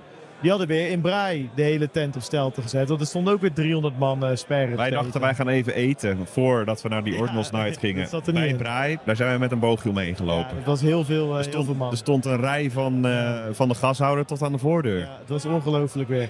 Dus dat was ja, eigenlijk wel heel positief weer bevallen, alles. Toch? Zeker. Ehm, ja, wie zullen we eens aankondigen? Jij hebt namelijk mijn eh, eh, volgorde een beetje veranderd. Dus eh, Nou, Nou laat- ja, toon maar wat flexibiliteit Ja, nee, en vraag voorzieningsnieuws. ja, daarom vraag ik het toch? Ja, als we een beetje met de markt bezig waren, dan zouden we er dus eens even voor kunnen kiezen om Jos aan te kondigen. Ik vind het een goed idee. Ja, Jos Lazet, Ja. dames en heren. Daar zijn we weer. Dag 2, het eerste interview. Wat zeg je? Wat zeg je? Ja, het kan nu nog. Hè. We nemen s ochtends maar meteen de interviews op. Want Dat anders, stemmetje eh, voor jou is wel fragiel, vind ik hoor. Als ik ga schreeuwen op zo'n dag als nu, dan, dan is het klaar. Maar goed, ja, dat, dat gebeurt, weet je. Zoveel gesprekken eh, gehad. Anyway, daar gaat het niet om. We zitten hier met Jos, Jos Lazet van Blockrise. Mede Rotterdammer, al ben ik zelf helaas geen Rotterdam. Ik ben ook geen echte Rotterdammer, hoor, Nou, dus dat, dat zeggen scheelt. we gewoon dat, is- dat, dat we het wel zijn. Ehm, ja, wij kennen Blockrise. Ehm, maar misschien onze luisteraars nog niet allemaal. Kan je eens kort vertellen wie je bent? En wat Blockrise is en wat jullie doen? Ja, zeker. Eh, Jos Lazet, dus 27. Eh, ooit tien jaar geleden bij, eh, met crypto, met bitcoin in aanraking gekomen. En 2015 eh, wat verder mee, mee gaan ex- experimenteren eigenlijk. En vanaf 2017 eh Blockrise gaan bouwen. Ja. En bij Blockrise hebben we een, eh, een principe kwestie eh, eigenlijk aangehouden. Waarbij we proberen de balans te vinden tussen eh, veilige cryptoopslag. Dus een, een, een soort van non-custodial wallet structuur. Maar wel met de, de mogelijkheid om te kunnen on- en off-rampen. om crypto te kunnen kopen, verkopen. En sinds kort ook met vermogensbeheer.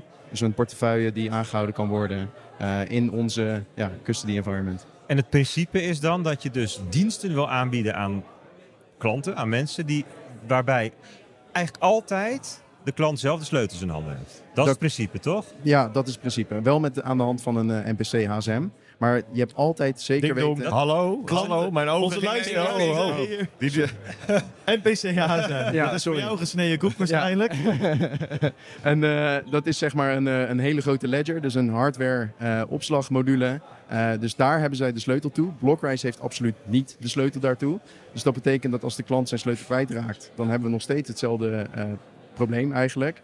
Daar kan je wel eh, met eh, shards, dus met eh eh, andere sleutels, ja, Beetje zoals dat Shamir, wat we gisteren besproken hadden. Iets in die richting. Iets in die richting kan je inderdaad dus meerdere sleutels en een, en een backup eh, maken. Maar het basisprincipe bij ons is dat Blockrise niet bij klantengoeden kan. De klant is de enige die wel bij de klantengoeden kan. Dat is allemaal individueel opgeslagen eh, on-chain.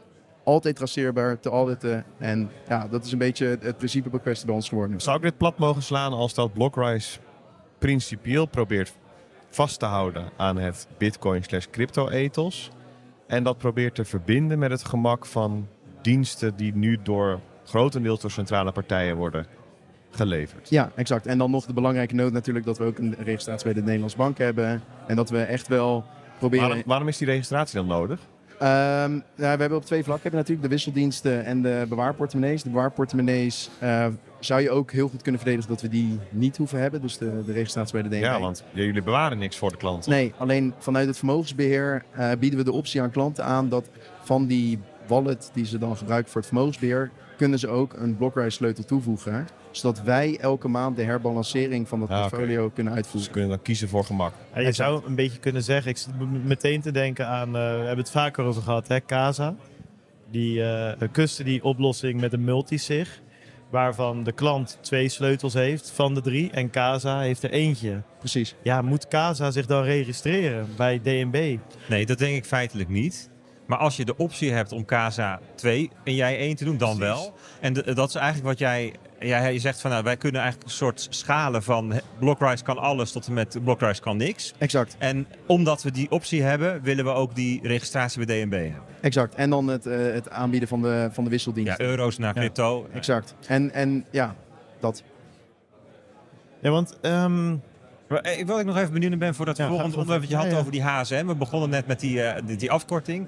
Waarom is dat dan nodig? Wat, ik- kan ik niet gewoon zelf met mijn ledger tekenen? Waarom is er dan zo'n apparaat in, in, in, in, in, een- grot in Zwitserland nodig? Om, eh, Eh, nou, zeg maar, eh, zonder het al te technisch te maken. Ehm, die, die HSM's, dat zijn eh, Zwitserse bankcomputers eh, in ons geval. En die zijn heel goed in het genereren van hele veilige private keys. Eh, je zou in principe met een ledger ook je transacties kunnen aftekenen bij die HSM, eh, bij Blockrise. maar waarom zou die HSM ertussen moeten? Eh, omdat dat is, de, dat is de hele beveiliging van, van onze custody. Die computers die zijn fysiek tamper-proof, dus je kan ze niet openmaken, je kan ze niet uitbreken. En hij is heel goed in het opslaan van die private key. Net als een, een ledger. En uit een ledger kan je ook niet de private key halen. Mhm. Je kan hem gebruiken om te signeren, dus je wilt een heel veilig, eh, hele veilige omgeving hebben om, om eh, transacties te kunnen aftekenen. En dat is eigenlijk die, die, die HSM, alleen dan enorm schaalbaar. Want daar kan je duizenden klanten op draaien. Eh, hij kan heel veel aftekenen en hij is ja, heel random, wat weer goed is voor je private keys. Dus die, die heb je nodig, dat is de, de, de basis. Tuurlijk zouden we een, een setup kunnen bouwen dat dat helemaal niet zo is, maar dan kom je in het probleem met je, met je toezicht. Wij moeten natuurlijk wel toezicht kunnen uitvoeren en controle op enige manier kunnen hebben eh, over de klanten. En ik kan me ook voorstellen dat je geen zin hebt om 24 soorten hardware wallets te ondersteunen. Dat je gewoon tegen je HSM aanprogrammeert. En dan- Precies. ja. En hij is heel voorspelbaar. Kijk, die HSM is best wel simpel. Hij heeft maar vijf functies. eh, sleutel aanmaken, sleutel verwijderen, blokken, unblokken en de parameters aanpassen. En die apparaten bestaan al 25 jaar. Die worden nooit geüpdate. Het, het zijn hele gedegen apparaten. 25 jaar, dus pre-Bitcoin. Dus dit zijn eigenlijk, dit is eigenlijk een industriestandaard Ja, de in bankstandaard. beveiliging- bankstandaard. Ja, precies. Dus, dus ze zijn al bewezen. Ze werden, zeker toen wij startten in eh, 2017, werden ze niet gebruikt voor crypto. Nu zie je dat er heel veel virtual HSM's gebruikt worden. En daar- Fireblocks ook bijvoorbeeld. Hè? Dat is de, de, de software die heel veel custodians Ja, gebruiken. 150 miljard hebben ze geloof ik nu onder beheer. Echt wel serieus jong in de markt geworden. Eh, maar die gebruiken dus virtuele HSM's en wij gebruiken fysieke HSM's. Ledger maakt die dingen toch ook? Eh, ja, hardware of eh, Ledger Vault.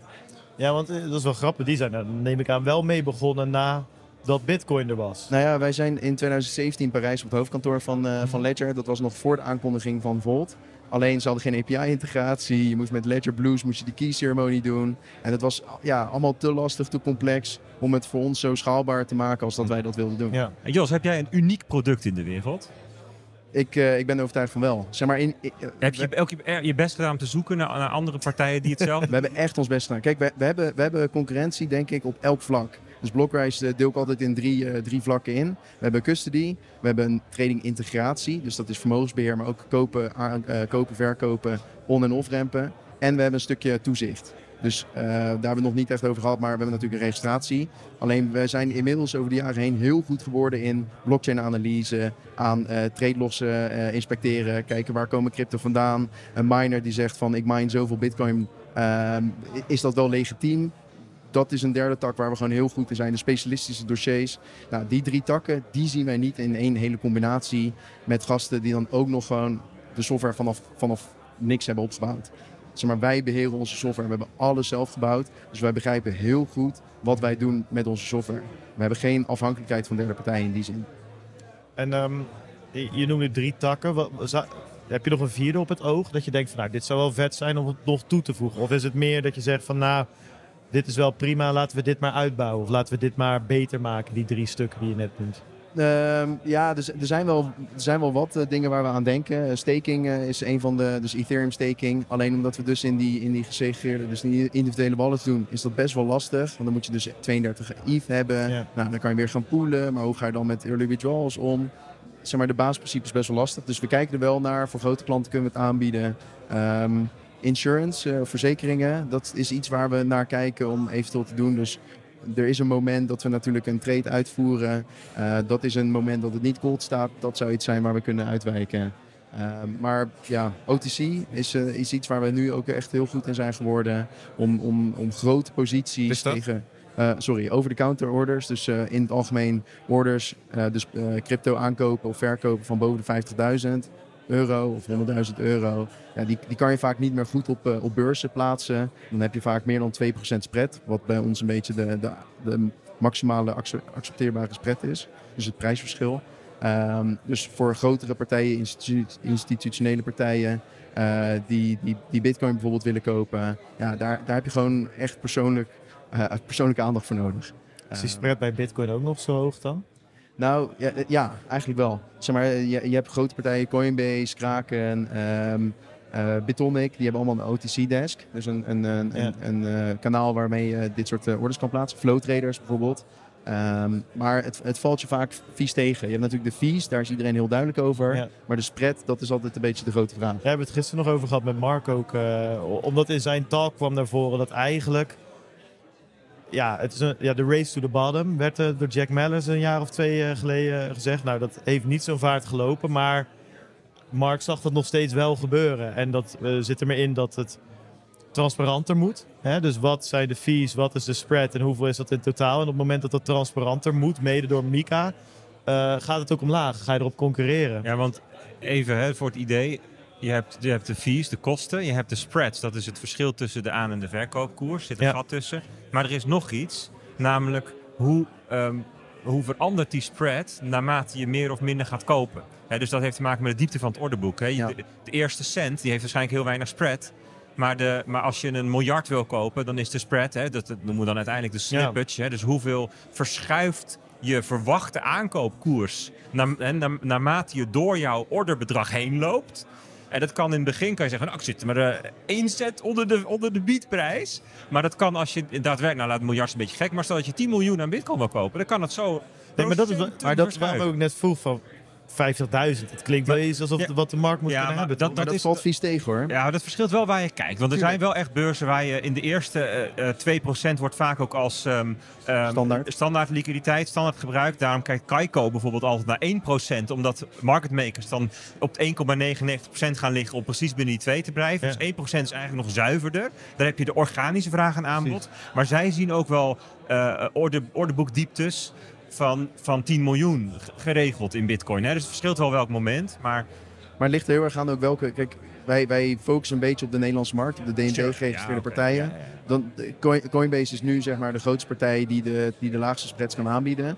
Um, maar dan nog, het, het, ligt zo sterk aan de markt en ja. ook aan de marktomstandigheden. Klopt, zeker. In een hele rode, diepe markt waar we snel uh, dalingen mee maken, hè, heb je weer met hele andere spreads te maken. Maar heel veel brokers gebruiken om die reden ook um, liquidity providers die dus quotes aanbieden op grotere blokken in één ja. keer. Ja, precies. Alleen, ja, bijvoorbeeld de liquidity providers werken wij nog niet mee samen. Met het grootste standpunt, nogmaals principieel bij ons, dat ik wil nu settelen. Ik zorg dat er nu geld uh, bij, de, bij, de, bij de exchange op de, op de rekening staat, dan wil ik ook nu dat de tegoeden, de bitcoins, onze kant op komen.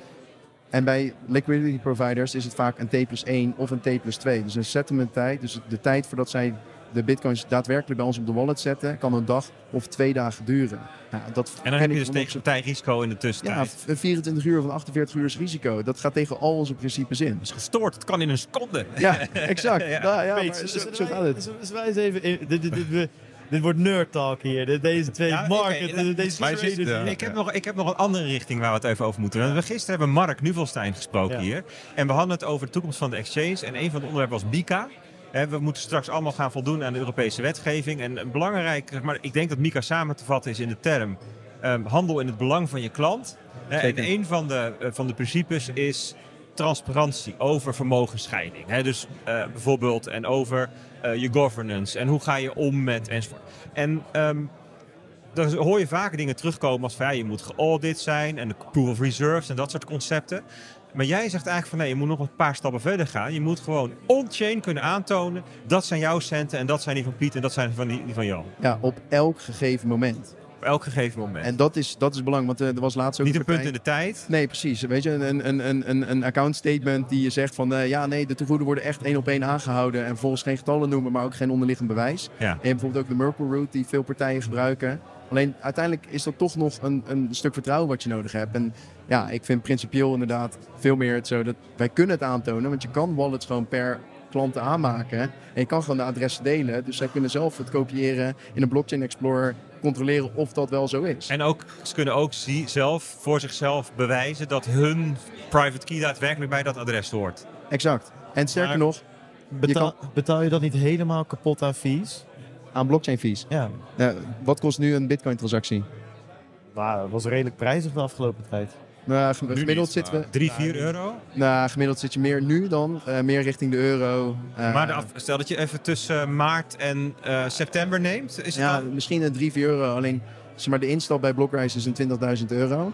Um, en op een, ja, op een orde grootte, de trade fees gaan heel snel uh, dus de, de, de, kosten die we, de tarieven die we in rekening worden gebracht bij de exchanges, die gaan heel snel die vaste kosten uitlopen. Dus zelfs bij een 4 euro en een, uh, weet ik veel, 0,4 procent. Uh, die je rekent over de, over de eurowaarde van een, van een trade. Mag ik, hier, mag ik hier even op inspringen? Vertel. Um, ja, even vanuit twee perspectieven ben ik, um, wil ik je even wat vragen over de adoptie van Blockrise zijn producten en onderliggende filosofie. We hebben het regelmatig natuurlijk over nieuwe technologieën en de adoptie van nieuwe technologieën. Hoe ze beter moeten zijn dan het alternatief. En in de context van crypto hebben we het dan ook regelmatig over de drempels die er nog zijn. Gebruiksgemak, snelheid, kosten enzovoort. En de principes onderschrijven we helemaal. Dus het verhaal dat je vertelt, ik vind dat heel tof. Toffe, toffe innovatie, ander soort bedrijf dan dat we al hadden. En dat een hele mooie vorm van concurrentie is ook. Um, maar omdat je zo dicht tegen die principes aanbouwt, heb je natuurlijk te maken met dezelfde drempels die wij zien bij crypto in het algemeen. Hoe is dat nu? Is het, zo, is, het, is het zo dat de producten en diensten van Blockrise nu nog niet qua snelheid en gebruiksgemak en kosten kunnen tippen aan wat centrale partijen aanbieden? Uh, en als het zo is, hoe zie je dat naar de toekomst toe? Ja, dus e- even concreet maken, wat is voor een normale gebruiker lastig aan Bitcoin? Ik vind nou, het best concreet. Je, dat je niet. Dat ja. je, nee, maar, nee, maar ja, nee, wat bedoel je dan, vraag je? Dus dat, dat, dat, dat, uh, dat er 10 minuten tussen blok zit, maar soms 2 minuten en soms 2 uur. Dus het is onvoorspelbaar, het is traag, het is duur. Het aftekenen met een, met een private key is best lastig. Als je het kwijtraakt, ben je het ook echt kwijt. Dat is spannend. Dat zijn allemaal aspecten van self-custody, waardoor best wel veel mensen zeggen... Kijk, als je moet vluchten uit een land omdat je dictator je bijna doodmaakt... dan zijn het allemaal dingen die heel acceptabel zijn. Maar voor de gemiddelde Nederlander zegt... joh, doe mij gewoon een accountje bij een, bij een, bij een partij. Ja, nou ja, terwijl al die, die lastige dingen, die erven dus over naar jouw product. Eh, ja, dus eh, zeg maar, ik, ik ben ervan overtuigd dat uh, de meeste klanten die hebben helemaal niks door van de, van de complexe discussies die wij hier hebben. Want de UI UX, uh, zeker met de update die we volgende week gaan live zetten, kunnen we echt binnen vijf minuten onboarden. Dat is echt helemaal straightforward of echt heel logisch geworden. Um, de meest complexe actie die we hebben is het opzetten van je blokker receipt. Dus je moet 24 woorden genereren. Uh, we hebben een geavanceerde mode dat je je eigen 24 woorden kan, uh, de public key van je eigen 24 woorden kan aanbrengen. Of je laat ons, of in ons dashboard offline, laat je die uh, 24 woorden genereren. Die moeten mensen opslaan, die moeten ze opschrijven natuurlijk, twee kopietjes. Dat is denk ik de grootste drempel die we hebben. Die on-chain fees, maak ik me niet heel erg druk om. Nogmaals, um, uit mijn hoofd bij een gemiddeld order van 4000 euro of hoger, dan is de, de on-chain fee gemiddelde, die valt in het niks ten opzichte van de trade fees die gerekend worden. En dan heb je dus die afweging comfort versus, uh, versus uh, security. En dan bij heel veel partijen die dat soort orders plaatsen, dus uh, retail of institutioneel, die, die gaan veiligheid gaan ze meer waarderen, geen counterparty risk. Uh, en dan zijn ze bereid om die nou, 4 euro, 5 euro aan, aan extra transactiekosten, vaste kosten te betalen. En de dingen, we verdienen er ook geen cent op. Want jij bouwt zelf je transactie op. Je ziet zelf dat het naar de miner toe gaat. Ja, ja dat is nou eenmaal de afweging die we moeten maken. Ik, ik, ik, dat snap ik. Hè? Dus ik snap dat je over de een deel van de klunkiness je omheen, ook van, door de doelgroep die je bedient. En want die, die, die gebruikt Blockrise ook mogelijk met andere redenen en neemt genoegen met, met een andere. Uh, die neemt eigenlijk genoegen met de, met de nadelen die kleven nog aan crypto, aan bitcoin en, en de dingen die we net beschreven hebben. Maar betekent dat dan ook dat Blockrise zich niet gaat richten op de onderkant van de markt? Of andersom, blijft deze coole innovatie eigenlijk alleen beschikbaar voor de elite? Ehm, nou ja, kijk, uh, bijvoorbeeld als je dan mikt op de 20.000 euro instap, dat is meer een beetje vanuit onze uh, zorgplicht. We, daar vallen we niet onder, MIFID 2, maar dat is wel beetje het principe dat we willen beschermen dat klanten uh, heel veel gaan traden en dan op de fees achteruit lopen. Hetzelfde heb je bij een ledger, hè? begrijp me niet verkeerd. Als jij gewoon nooit iets op een exchange hebt staan, alles op je ledger en daar elke dag mee gaat traden, loop je ook achteruit. dus beetje dezelfde principes. Dus we kunnen op termijn kunnen we wel zeggen, uh, stel dat wij of zelf optimaliseren in lagere blockchain fees, of wij weten nog beter met DEXs te integreren, waardoor wij goedkoper kunnen settelen. Het zijn allemaal ontwikkelingen die de markt doet en stukken die wij doen, waarbij we de, de instap over termijn heen kunnen verlagen. Um, dus, dus dat, het is waar we het eerder over hadden, het is meer een principe kwestie dat als jij op een, op een exchange uh, jouw assets hebt staan, dat jij die niet zelf kan verifiëren. En dat jij er niet zelf over kan beschikken. Uh, soms niet kan withdrawalen of depositen. Dus dat, dat vind ik zoveel belangrijker. Uh, en dat zijn echt de uitgangspunten die we bij Blockers aanhouden. Ja. Cool. Misschien is het dan nog goed om um, als laatste eventjes naar, naar een ander onderdeel uh, te gaan. waar je over vertelde ook. Het asset management. Um, want ik ben wel benieuwd hoe die, al die principes die je net noemt, die je hoog in het vaandel hebt staan dat is al lastig te combineren met trading, custody. Hè, daar hebben we het net helemaal over gehad. Het brengt allemaal complexiteit met zich mee. Afwegingen, balans zoeken.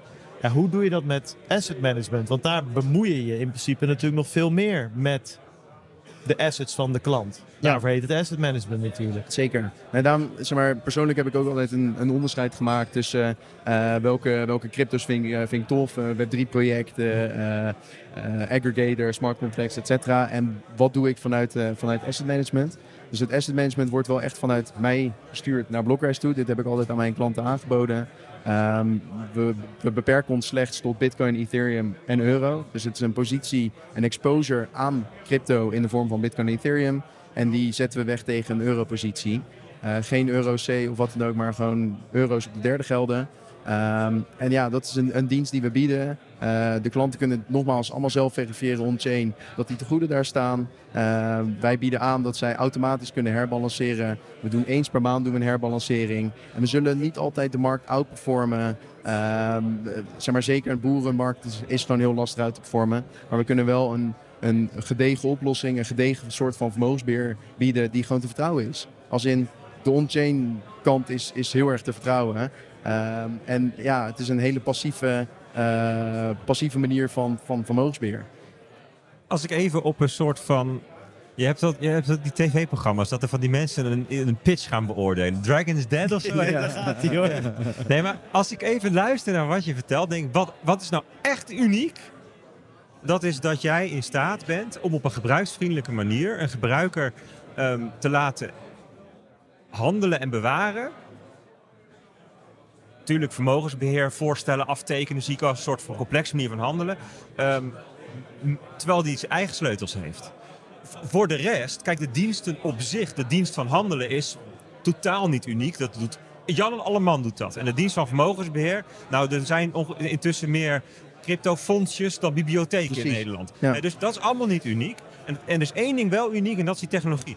Is het dan niet veel slimmer om die technologie, om een soort technology provider te worden wereldwijd, zodat alle cryptobedrijven, alle exchanges, alle custodians, alle brokers in de hele wereld ik zie ogen gaan technologie gaan gebruiken? Ja, ja, hij zit een beetje mijn toekomstplannen ik voor zie, het. Ik, zie ogen gaan glimmen. Nee, maar ben jij niet gewoon de allergrootste concurrent van Fireblocks of zo, weet je wel? Ja, maar klinkt wel een beetje hetzelfde. Precies, nou ja, dat is, dat is, dat is exact in, de intentie. blok, blok ijs en Fireblocks. Okay, laat ik hem nog, even, nog iets Is niet het handelen van de klanten bij jou, het klant worden bij Blockrise. Um, en het is leuk dat je goed bent in, in, in compliance. Het testen van je product. Maar is gewoon eigenlijk je, je eigen use testcase? Nou ja, wat, wat, je net zegt is juist interessant. Ik dacht altijd Blockrise is, een, is de, weet je wel, SaaS, uh, heel visie, uh, heel erg leuk voor visie om, dit, om te doen. Alleen de afgelopen zes maanden zijn we wel een beetje shift gaan worden van oké, okay, we worden echt een SaaS met markttoegang. Dus Market Access as a Service. Omdat ook MICAR gaat voor heel veel partijen pittig worden. Laat staan voor de hele nieuwe partijen. Mhm. Dus idealiter bouw, ik Blockrise zo dat wij de software hebben om dit hele, dit hele palet wat we net besproken aan te bieden. Maar ook nog gewoon het toezicht te kunnen aanbieden. Dus partijen kunnen onder toezicht vallen, onder Blockrise. Oké, fair point. Dat is dan nog wel een mooie aanvulling. Maar dus even... Het hele stel- pakket is gebouwd als SaaS. Ja, precies. Maar stel, stel dat er dus in Nederland... Ja, precies. Dus als in Nederland nu eh, bij onze luisteraars... mensen van, eh, van crypto-dienstverleners luisteren... denken, eigenlijk moeten we dit gebruiken... als onze back-end... Het, hè, dus de Precies. API-calls gaan daarheen... dan kunnen ze jou ook bellen. Ja, en, het kan, en je zou het zelfs helemaal on-premise kunnen doen. Dus dan heb je zelf de hele software en alles eromheen en weer. Dat zijn wel een beetje de toekomstplannen. Uh, maar waar wij nu meer naar kijken is bijvoorbeeld de cryptofondsen die buiten toezicht vallen. Dus de minimum instap Ja. van een ton, buiten AFM-toezicht. Om juist die te benaderen en te kijken van oké, jullie hebben wellicht interesse in zo'n oplossing zoals wij. Want dan kan je wel onder toezicht vallen. Kan je wel eh, eh, on- en off-rampen naar crypto's. Eh, kan je wel crypto deposit en withdrawals doen. Alles wat ze nu niet kunnen doen. En dat is denk ik juist een hele interessante propositie. Kunnen mensen ook investeren in deze nieuwe unicorn? VC's jullie- zijn altijd van harte welkom. Eh, we moeten volgend jaar eh, wel eens een, eh, wellicht een rondje gaan doen. Want we zijn bootstrapped eh, bij Blockrise. Dus dat is wel een, eh, een hele opgave geweest. Eh, maar we moeten echt wel inderdaad gaan kijken naar, eh, eh, naar VC of investeerders. Zeker. Nou, Van harte welkom. Ja. Nou ja, de, de- ja misschien luisteren ze. Ja. Weet je niet, ja, we hebben zeker de, dat ze luisteren. Maar Misschien dat- bellen ze, dat is de vraag. we, we hebben de meest gekke luisteraars ertussen zitten. Ik bedoel, van vrachtwagenchauffeurs tot VC's. Je kan ze gek niet bedenken. Maar misschien kunnen die, misschien crowdsourcing eh, doen. Kunnen die vrachtwagenchauffeurs ook wat inleggen? Dat is op zich ook wel leuk. Ja, kijk, met, met DNB-toezicht is crowdsourcing gewoon een, een stuk lastiger natuurlijk. Ah, joh, dan doe je, maar doe je een ICO of zo. Maakt jou- maakt jou het uit. Hey Jos, thanks. Veel Yes, succes. dankjewel, en jongens. ehm, nou ja, we spreken je eh, na die ronde wel weer. Ik ben wel benieuwd hoe het eh, gaat. Zeker. Zeker. Heel veel succes. Yes, dank. Dat was Jos. Dames en heren, eh, Jos Lazet van Blockrise. Peter zei, ja, eh, Jos krijgt wel de minste aankondiging van allemaal. Maar ik hoop dat het uitgebreide interview dat toch een beetje goed heeft. Ja, dat jullie enthousiast zijn geworden van eh, die best wel high-tech. Nou ja, we zijn er een tijdje terug op bezoek geweest. Ik vind het vet. Kijk, Ja.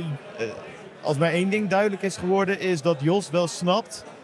Net als trouwens met, met Treasure gisteren. Ik vind het vet als bedrijven snappen dat je aan de ene kant eh, door aan zoveel mogelijk mensen je producten te verkopen en ook je producten mm, bruikbaar moet maken voor zoveel mogelijk mensen, dat dat adoptie verder helpt, dat de sector verder helpt. Maar dat ze wel gewoon hun, ehm, ja, hun priority straight hebben. Dus dat ze gewoon wel die, dat crypto DNA hebben, dat bitcoin DNA hebben. En dat is bij, eh, bij Jos gewoon heel duidelijk aanwezig. Dat vind ik altijd leuk.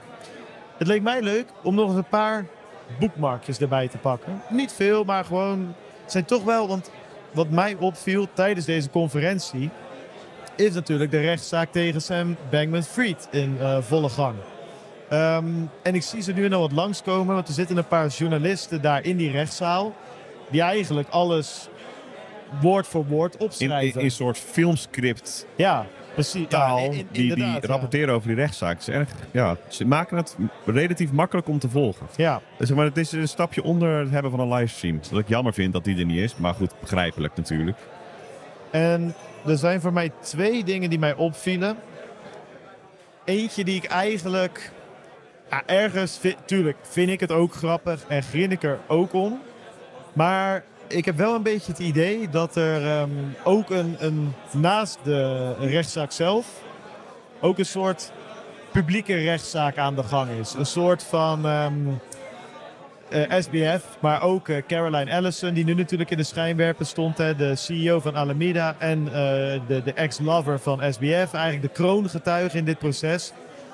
Ehm, dat die ook een beetje nou, met het koppie op zo'n blok worden gelegd. En laten we maar eens eventjes tomaten gaan Ja, gooien. mensen halen hun gram. Toch? Ja. Maar er zat natuurlijk ook best wel wat eh, emotie nog. Nee, dus ik, ik snap het op zich. En wat ik zeg, ik grin ik her en der ook. Want wat gebeurde er deze week? Je hebt dus eh, in de rechtbank mogen geen foto's gemaakt worden. Dus dat heb je al sinds jaar en dag van die eh rechtbanktekenaars, Ja. toch? Eh, Zeker. en we kennen het allemaal wel eh, van strafzaken. Ja, dan krijg je er een beetje een gekke tekening, een beetje een soort schilderij achter soms. Ehm, en die had je deze week ook. En er werd dus ook bij gezegd door bijvoorbeeld allemaal Twitter-kanalen. man, the courtroom artist really had no mercy. En Mhm. waarom kwam dat? Ja, die Caroline Allison, die, die, die komt er gewoon heel bekaaid vanaf. Zeg maar, die, die courtroom tekening is zo verschrikkelijk niet flatteus. Flatteus. Flatteus, dat dat... dat ja, daar, daar lachte iedereen om. En er werden, ze liep natuurlijk uit de auto naar de courtroom, naar de rechtbank. Meteen zo'n groothoeklens in de gezicht. Ja, daar ziet niemand er mooi uit. Ook Caroline Allison niet. Haha, die ziet er Nee, lelijk uit. maar Bart, ik heb een foto gezien van haar. Ze is ook wel 25 jaar ouder geworden in die paar maanden hoor. is ook zo. Maar er zit dus Goeiedag. daar wel een behoorlijk stuk leedvermaak in. Waarbij ik aan de ene kant heb, ik snap het. Ik betrap mezelf er ook op. Maar ik betrap mezelf er dan ook op dat ik denk van poeh, ik weet niet of ik dat... ehm, Ik vind dat stuk van het leedvermaak wel echt een beetje sneu, eigenlijk. Ja, precies. Maar ik bedoel, als jij zo'n foto ziet... Ik, bedoel, ik denk, ken je goed genoeg om te weten dat er een grinnik vanaf kan. Alleen het is wel een beetje... ehm, ik vind het niet... Ja, ik weet niet. Ik ben met je... Ik, ja, dat gevoel probeer ik een beetje te omschrijven. Ik vond het Ja, niet dit, echt... is, dit is gewoon het lelijke stuk van wat er ook bij komt kijken. Weet je, dit is gewoon een logisch gevolg. Je kunt het, je kunt het niet voorkomen. Je kunt het zelfs een beetje begrijpen. En kijk, zolang mensen de familie van haar niet gaan bedreigen of het huis in de fik steken en het blijft bij een Dat grinnik. is nog wel een brugvender Ja, inderdaad. dat is nou ja, waar. precies. Ja. Ehm, dat viel mij op. Er viel mij nog ook een paar inhoudelijke dingen op. Eh, bijvoorbeeld, ergens kwam op een gegeven moment langs dat. ehm, ehm, dat, dat volgens mij dat, dat er gezegd werd dat ze even Genesis 500 miljoen moesten gaan sturen. Dat Genesis blijkbaar rond aan het gaan was bij andere bedrijven. Van joh, we hebben even 500 miljoen nodig om wat, om het gaten dicht te lopen, zeg maar. En dat, dat soort En volgens mij was het probleem daar, of probleem tussen aanhalingstekens, Genesis had gewoon klanten die hun geld gingen Ja, opeisen. precies. in een periode waarin dat ook logisch was, want er was allerlei gedoe in de markt. En ja, wat doen mensen dan? Die zoeken zekerheid, dus nemen het op. Ja. Nou ja, en dan gaat Genesis natuurlijk als tussenpersoon naar de partijen toe waar zij geld hebben uitstaan. En die zijn in, in grote mate waren die direct opeisbaar, die leningen. Dus die ging naar, Jet, naar FTX toe. Jongens, eh, ja, ik heb 500 miljoen nodig. En, en, en dan is de vraag, kon FTX die 500 miljoen opsturen of niet? En hoe hebben ze dat dan gedaan? Ja, wat mij niet helemaal duidelijk werd hieraan of, F, of, ze, of FTX nou gevraagd werd om, om zelf een lening vervoegd af te lossen of dat ze even bij moesten schieten. Dat is natuurlijk wel een verschil. Ja, ik weet niet precies waar je het over hebt, maar dit, dit, dit, Ja, dit soort dingen heb ik ook lang Ja, zien komen. En dan was het in, in dit geval bijvoorbeeld dat ze dan 500 miljoen aan klantengoeden de kant van Genesis opstuurden of naar een andere plek toe. Ook, om, ook natuurlijk om het beeld in stand te houden van, joh, bij FTX en bij Alameda is niets aan de hand. Ja, zeker. Ik zag langskomen, en dit is, moet ik zeggen, dit is wat eh, Caroline Allison allemaal beweert. Hè. Ik bedoel, we hoeven haar natuurlijk ook niet opeens te geloven dat alles wat zij zegt waarheid is. Maar goed, je bent getuige. Wel het idee als je onder Ede staat. Nee, Ja. natuurlijk is het het idee. Maar ja, eh, een kat in het nauw maakt rare sprongen. Dus even die eh, kanttekening eh, eh, gemaakt hebbende. eh, zegt zij ook dat ze FTX, ehm, eh, Chinese overheidsambtenaren hebben omgekocht om eh, eh, 1 miljard dollar ehm, te laten ja, ontdooien, zou je kunnen Nee, zeggen. nee, er waren gewoon het goede bevroren daar. Ja, precies. Ze hadden een Chinese bankrekening kennelijk. Ja, dus te laten ontdooien, Ja. zou ik zeggen, Ja. als het bevroren was. Toen, toen kwam een van de medewerkers op het idee van... hé, hey, eh, ik- ik- we hebben kennelijk contacten in China. We kunnen ze ook omkopen. Ja, nee, dat vind ik wel. Dat zijn best wel. Dat Ja. kwam achter elkaar even langs. Ehm, ze bevestigden ook nogmaals een keertje dat ze inderdaad eh, Alameda gaten gedicht hebben met klantengoeden van FTX. Dus die werd ook nog een keertje er doorheen gegooid. Ja, maar ook gewoon hun, hun ehm, eh, sectorpartners, zoals een BlockFi, zoals een Genesis, ook gewoon voor de gek gehouden hebben. Hè? Ja. Ehm, ook Gary Wang, dat was volgens mij of de medeoprichter of de engineer. Volgens mij de medeoprichter die heel veel van de techkant heeft gemaakt van FTX. Klopt, dat is een developer, ja. En eh, daar werd aan hem gevraagd eh, door een advocaat: Are you aware of the difference between solvency and liquidity? En daar reageert Gary Wang op: Now I am. dus die heeft wat geleerd tijdens de rechtszaak. Ehm, ik had er volgens mij nog ergens eentje, ik ook even niet vinden, maar ik vond wel. Ja, interessant. Moeten we volgende week of die week erna maar eens even wat dingen op een rijtje zetten. Ehm, maar er komt een hoop naar buiten, moet ik zeggen. Dat, eh, de beerput gaat, eh, gaat helemaal open. Dus dat heb ik toch geprobeerd hier op de conferentie een beetje in de gaten te houden. Want ik vind het wel, ja, toch wel reuze interessant. ehm. Oh ja, deze was het. FTX die had ook een soort van proof of reserve-achtig ding op hun homepage staan. Het was dan vooral om te laten zien dat hun Binance heeft als zo'n Seifu funds waarmee ze klant tegoeden die verloren gaan in een hack, dat ze dat kunnen vergoeden. Uh, FTX had dat ook zogenaamd, maar dit was gewoon een hardcoded functie waar uh, 7500 vermenigvuldigd werd met een random getal. Dus daar deden ze maar wat. Ze zeiden van ja, we hebben 20 bitcoin uh, vandaag uh, in het fonds en morgen 40. Dus dat was weer een, een, teken van ja, ze deden maar wat, wat dat betreft. Nou, niet ze deden maar wat, ze wisten precies wat ze deden. En ze hielden mensen voor de gek. Ik denk wordt, dat dat, wordt steeds moeilijker om vol te houden dat het gewoon een reeks van wanhopige, onderdachte beslissingen waren. Precies, precies. Um, ja, dus dat waren mijn bookmarks even voor deze week, uh, jongens. Ik, ik, zie Bert met een telefoontje op zijn uh, schoot waar ook nog bookmarks openstaan. Zeker. Eentje nog? Eentje nog om het af te Eentje leren. nog om het af te leren. Nou, ik zag, we hebben het wel een tijdje terug gehad over stablecoins. En een nieuwe generatie stablecoins waar aan gewerkt wordt, namelijk stablecoins. Nou, allerlei soorten. En één waar wij het over hadden, dat waren stablecoins waar je ook rente krijgt. Ja. Dus je bezit één um, uh, cryptodollar en daar krijg je bijvoorbeeld 4%, 5% rente op als je die dollar in je wallet hebt. Ja. Ja, dus niet op een centrale partij, maar gewoon gedecentraliseerd in je wallet. Je hebt de dollars en het worden er meer, zoiets. En één daarvan is Mountain Protocol, die hebben we ook besproken. En ik zag een tweetje langskomen. USDM is live on Curve. Curve, dat is een DeFi-protocol um, wat die speciaal bedoeld is om stablecoins ten opzichte van elkaar stabiel te houden, hè, min okay. of meer. Stablecoins zitten met elkaar in één pool. Um, en uh, daardoor, het is dus automated market makers, vergelijkbaar met Uniswap. Ja. Alleen bij Uniswap zie je natuurlijk dat de koers hè, van 10 naar 100 naar 1000 dollar gaat bijvoorbeeld. En dat, dat doet zo'n automated market maker. Maar bij Curve zie je dat die allemaal 1 dollar blijven ten opzichte van elkaar zoveel mogelijk. Dus een soort sta stabiliseringsmechanisme. Ja. En USDM, uh, USDM heet de M van Mountain. Die, is dus, uh, die heeft dus nu zijn eigen uh, curve pool, schijnbaar. En dat is een beetje een soort startpunt. Dat, dat, dit soort dingen zijn vaak een startpunt van het kunnen gebruiken van een bepaalde munt in, um, in, in DeFi. Dus ja. als, eh, als onderpand voor iets of in bepaalde protocollen, dan, dan is het fijn dat er zo'n curve pool is. Dan is er liquiditeit. Dan kun je bijvoorbeeld Tether wi wisselen voor, uh, voor Mountain. Ja. Of USDC kun je wisselen voor USDM. Hè, één op één, weet je wel. Op die manier. Dus dat is, um, dat is geinig. En het aardige is dat die wordt uitgegeven vanuit, volgens mij, Bermuda. Want, want, want offshore. Want in de VS mag dit niet. Nee. In de VS mag je niet een stablecoin uitgeven. Um, überhaupt mag dat, is dat lastig, hè? Want ik bedoel, uh, Circle, hele moeilijke regulering, Paxos. Maar je mag het niet uitgeven met rente. Nee. Hetzelfde straks in Mika. Je mag het alleen in je eigen zak steken, zoals Tether ja, bijvoorbeeld. Tether, die, ja. ja. die lachen zich helemaal kapot. Maar die zit ook niet in de VS natuurlijk. Maar. Nee. Nee, bij Circle doet hetzelfde waarschijnlijk. Ja. Klopt. Nou, die geeft het zo, op een of andere manier nog wel door via Coinbase bijvoorbeeld. Dat is een beetje rare constructies. Ja, want bij Coinbase kun je 5% krijgen op je, op je USDC. Ja. Maar um, ook, ook onder Mika mag het niet. Hè? Dus euro stablecoins die mogen niet rentedragend zijn. Dus dat is in, um, in, zeg maar in Amerika of in Europa. Dus hoe zou dat heten? Wat is tegenovergestelde van offshore? Ja, onshore. In, onshore, ja, precies. Ja. Onshore mag dat niet. Ja, eigenlijk wel heel logisch. Maar offshore kan het wel, dus dat doet USDM. Maar dat betekent dat die, die USDM's niet beschikbaar mogen zijn voor Amerikaanse staatsburgers bijvoorbeeld. Maar ja, nu zitten ze in DeFi, dus nu kan iedereen er van alles mee doen, weet je wel. Dus dat is wel interessant. USDM is nu gewoon onderdeel van de DeFi-wereld en die kun je dus bezitten. En als je die bezit, dan krijg je rente.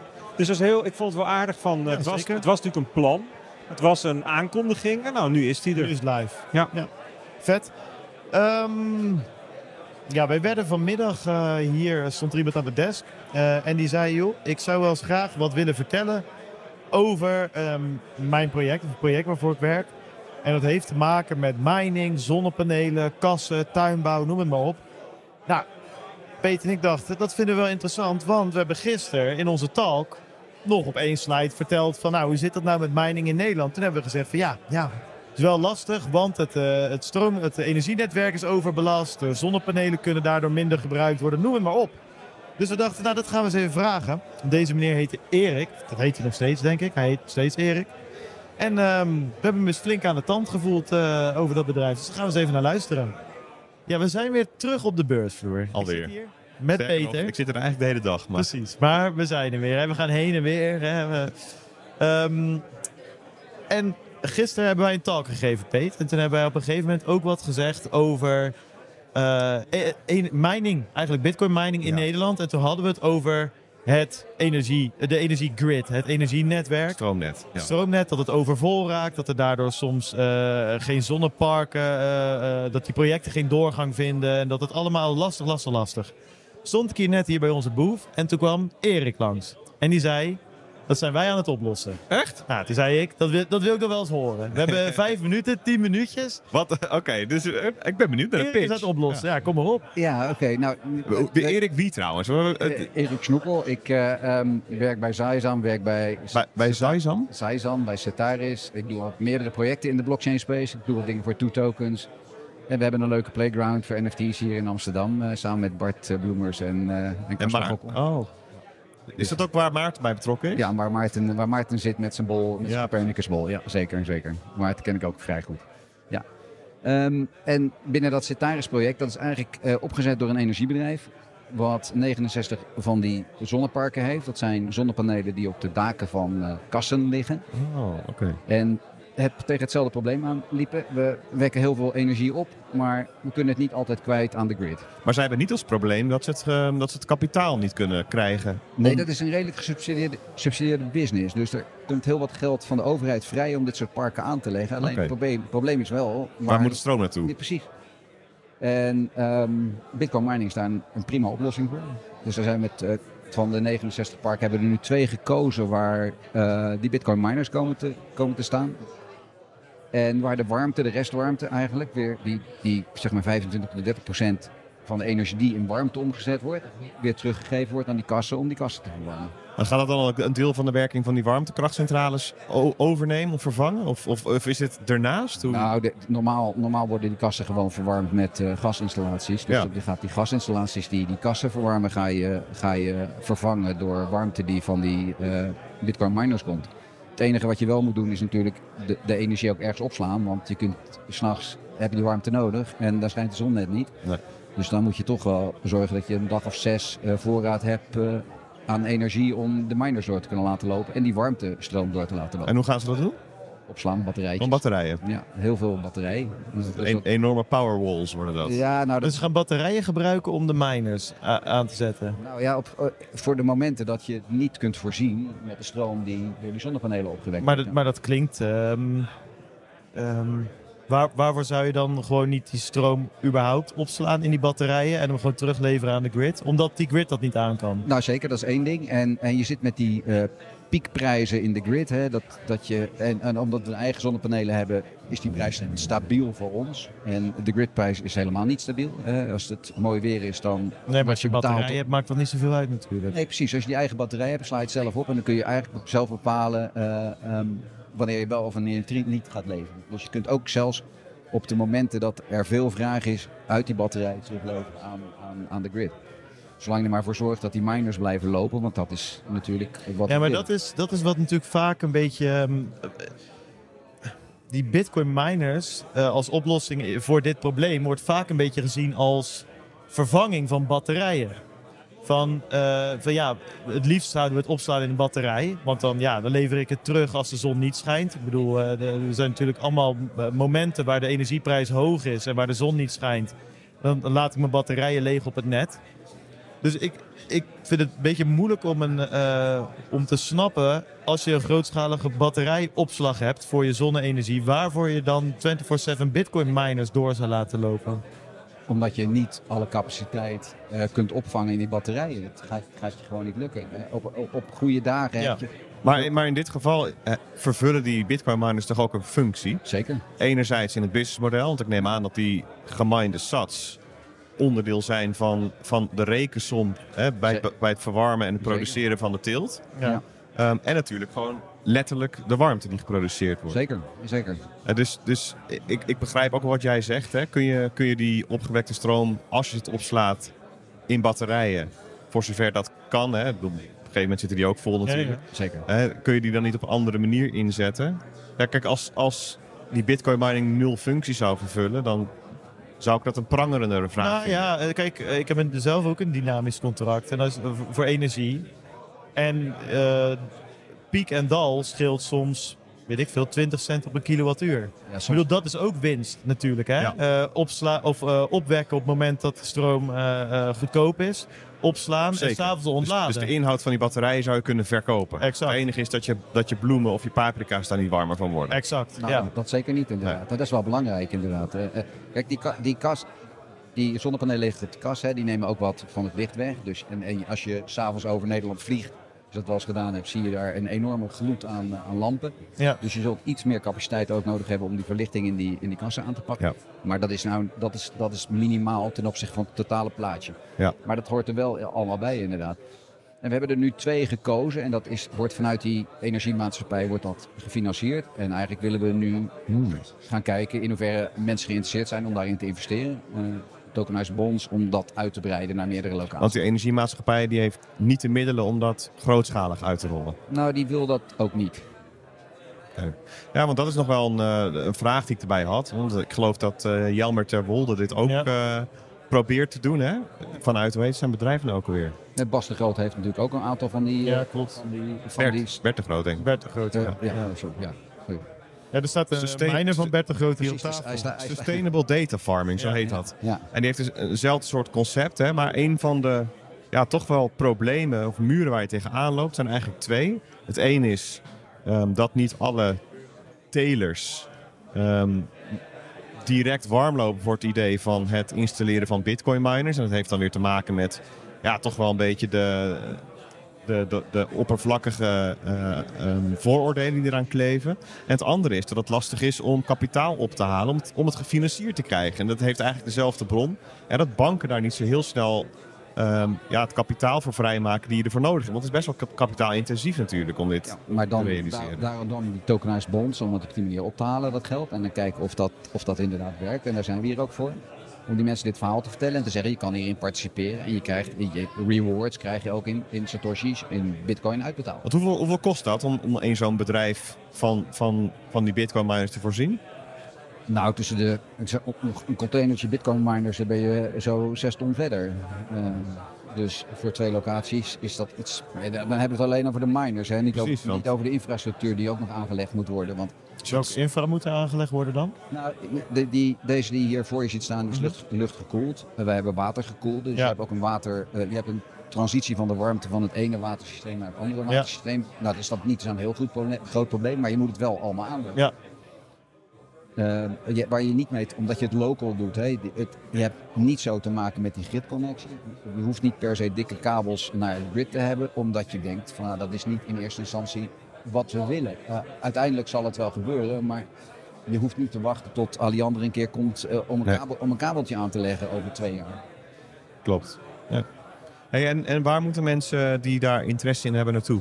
Naar citaris.com en daar staat de informatie, daar staan de lightpapers, de one-pagers, een responsformuliertje en eh, dan nemen we contact met je op en dan eh, Ah, kun, je me- kun je meedoen in het project. Interessant. Ja.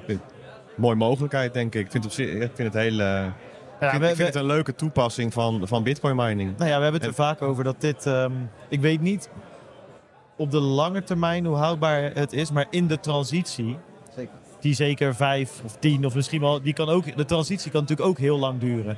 Kijk, uiteindelijk is de bedoeling dat je natuurlijk een grid hebt en batterijen hebt en zonnepanelen hebt. Die wel op elkaar afgestemd zijn, waardoor die lokale miningoplossing wat minder Ja, interessant kijk, is. Kijk, zolang warmte een, een primair product is dat je nodig hebt, zou het best kunnen zijn dat, Sure. het, dat het altijd een, een toepassing blijft hebben. Ja, je kunt het ook aansluiten op die warmtenetten die bijvoorbeeld in Den Haag en Rotterdam liggen natuurlijk. Hè? De, de stadsverwarmingssystemen. eh, daar, hè, je hebt geen hele eh, hete warmte nodig om die systemen te voeden. Hè? De- tussen de 35 en 40 graden is voldoende. Veel, veel warmer hoeft het niet te worden. Daar kan je, daar kan je Ja. die, die warmteoverdracht kan je prima daar, daar regelen. En. Maar het is inderdaad eh, de vraag of en wanneer de grid zo aangepast is dat iedereen zegt, zonnepanelen optimaal kan benutten. En dan die vraag wat minder zou worden. Maar volgens mij gaat dat nog vrij lang duren. Dat denk ik ook. Dat is een, uh, een vrij uh, ingrijpend uh, project, het aanpassen van het energiegrid. We gaan het zien. Leuk dat je even, even ja, kon zitten. En de balancing, hè, dat we meer bitcoins gaan minen in, aan deze kant van de wereld. Dat is denk ik ook wel... Nou, dat is waar. Dat is nog een heel andere can of worms die je daar maar ook ik, ik, ik, wil nog heel even terugkomen op de, op de premisse waar we mee starten. Hè. Dus dat, dat, um, dat het probleem van een overvol stroomnet opgelost wordt. Ik geloof dat dat nog een probleem blijft. Ook met, met, wel, ja. met deze... Zeg maar, dit is niet... Dit is niet je, je lost hiermee een ander probleem op dan het overvolle stroomnet. Nou ja, er zijn natuurlijk andere projecten. Hè. Er is een project in Ameland, hè, wat Local for Local heet, waar ze proberen de uh, lokaal opgewekte energie ook lokaal te gebruiken en dat peer-to-peer te verhandelen. Ja. Nou, ook, ook een oplossing, maar ja, dat is allemaal kleinschalige projectjes zijn dat. En ja. maar zien of dat groot toepasbaar wordt in de ja. toekomst. Ah, mooi. Nou ja, kijk, je lost inderdaad natuurlijk niet, niet het probleem van, van een overvolle grid op. Maar wel de problemen die die overvolle grid veroorzaakt uh, in, in, in, in een bepaalde manier. Dus het feit dat mensen of bedrijven geen zonnepark aanleggen omdat je het niet kan aansluiten op de grid, zou je het in dit geval kunnen aansluiten op miners en batterijen en dan alsnog dat zonnepark daar neer kunnen leggen. Dus het draagt wel bij aan verduurzaming. Ja, dus dat is hartstikke mooi. Ja. Oké, okay, thanks. Stop. Leuk verhaal. Hey, leuk dat je hier was. Ja. Dankjewel. Vonden wij ook. Alright. Um, dat was het laatste interview van deze aflevering. Maar...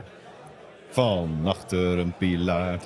Dames en heren, wij hebben nog echt ja, stiekem eventjes gewoon nog een losse aflevering opgenomen. Wij... Ja, maar dat is niet een afleveringetje.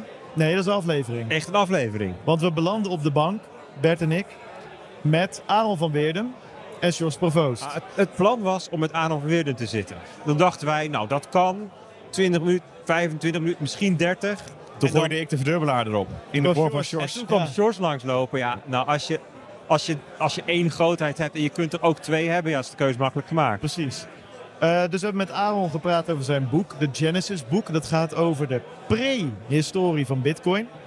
Uh, en met Shores en Aaron over alle ontwikkelingen die nu ja, plaatsvinden in Bitcoin. En hoe bijvoorbeeld ook Shores vanuit zijn blikveld, wat anders is dan dat voor mij in ieder geval, als core developer, daar naar kijkt. Dat bleek nogal anders te zijn dan, dan hoe wij, of hoe ik, uh, naar Bitcoin kijk. Helaas voor jou kan je die nu niet luisteren. Het wordt een speciale aflevering die we op maandag online gaan zetten. Dus als je dit luistert, is het zaterdag. Kan je zondag lekker relaxen. Misschien zet ik hem zondag wel online. Eigenlijk wel lekker, hè? Doe hem zondag. Zondag, zondag online. nog mooier, ja. Ja, en dan kun je hem gewoon luisteren. Uh, Aaron en Sjors. Smiddags, uh, bokbiertje erbij, bok open haartje aan. Open haartje aan. Stukje worst. Kastanjesoepje erbij. Ja. Beetje, maak het zo gek als je het zelf wil. Ja. En dan gaan wij gewoon vanaf hier uh, deze editie van Bitcoin Amsterdam afsluiten, heren. Ja. Dank voor jullie hulp weer. En, uh, We hebben ervan genoten.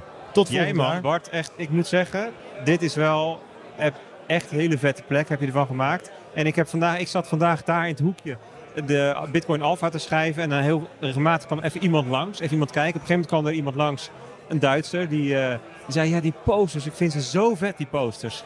Ja, ik vind ze zo vet. En ja, ik en moeten we nog even een shout-out ik vind, naar... ik vind ze zo vet. En toen, toen stond, uh, vol, ja, volgens mij was Stef, die stond en zei, ja, je, je, mag er wel een paar. Ja. Die, die, die, jongen die was helemaal de zevende hemel. 250 gekocht. Dus uh, even een shout-out naar Thomas, No Good. Uh, die heeft ze er allemaal ontworpen. Ja, heel, weer, heel goed. Het zijn heel goed. Het zijn kunststukjes geworden. Jongens, bedankt. De volgende week weer een nieuwe podcast. Hebben we ook weer trouwens een verra verrassing in petto. Dat horen jullie tegen die tijd alweer. En ja, tot volgend jaar. Later.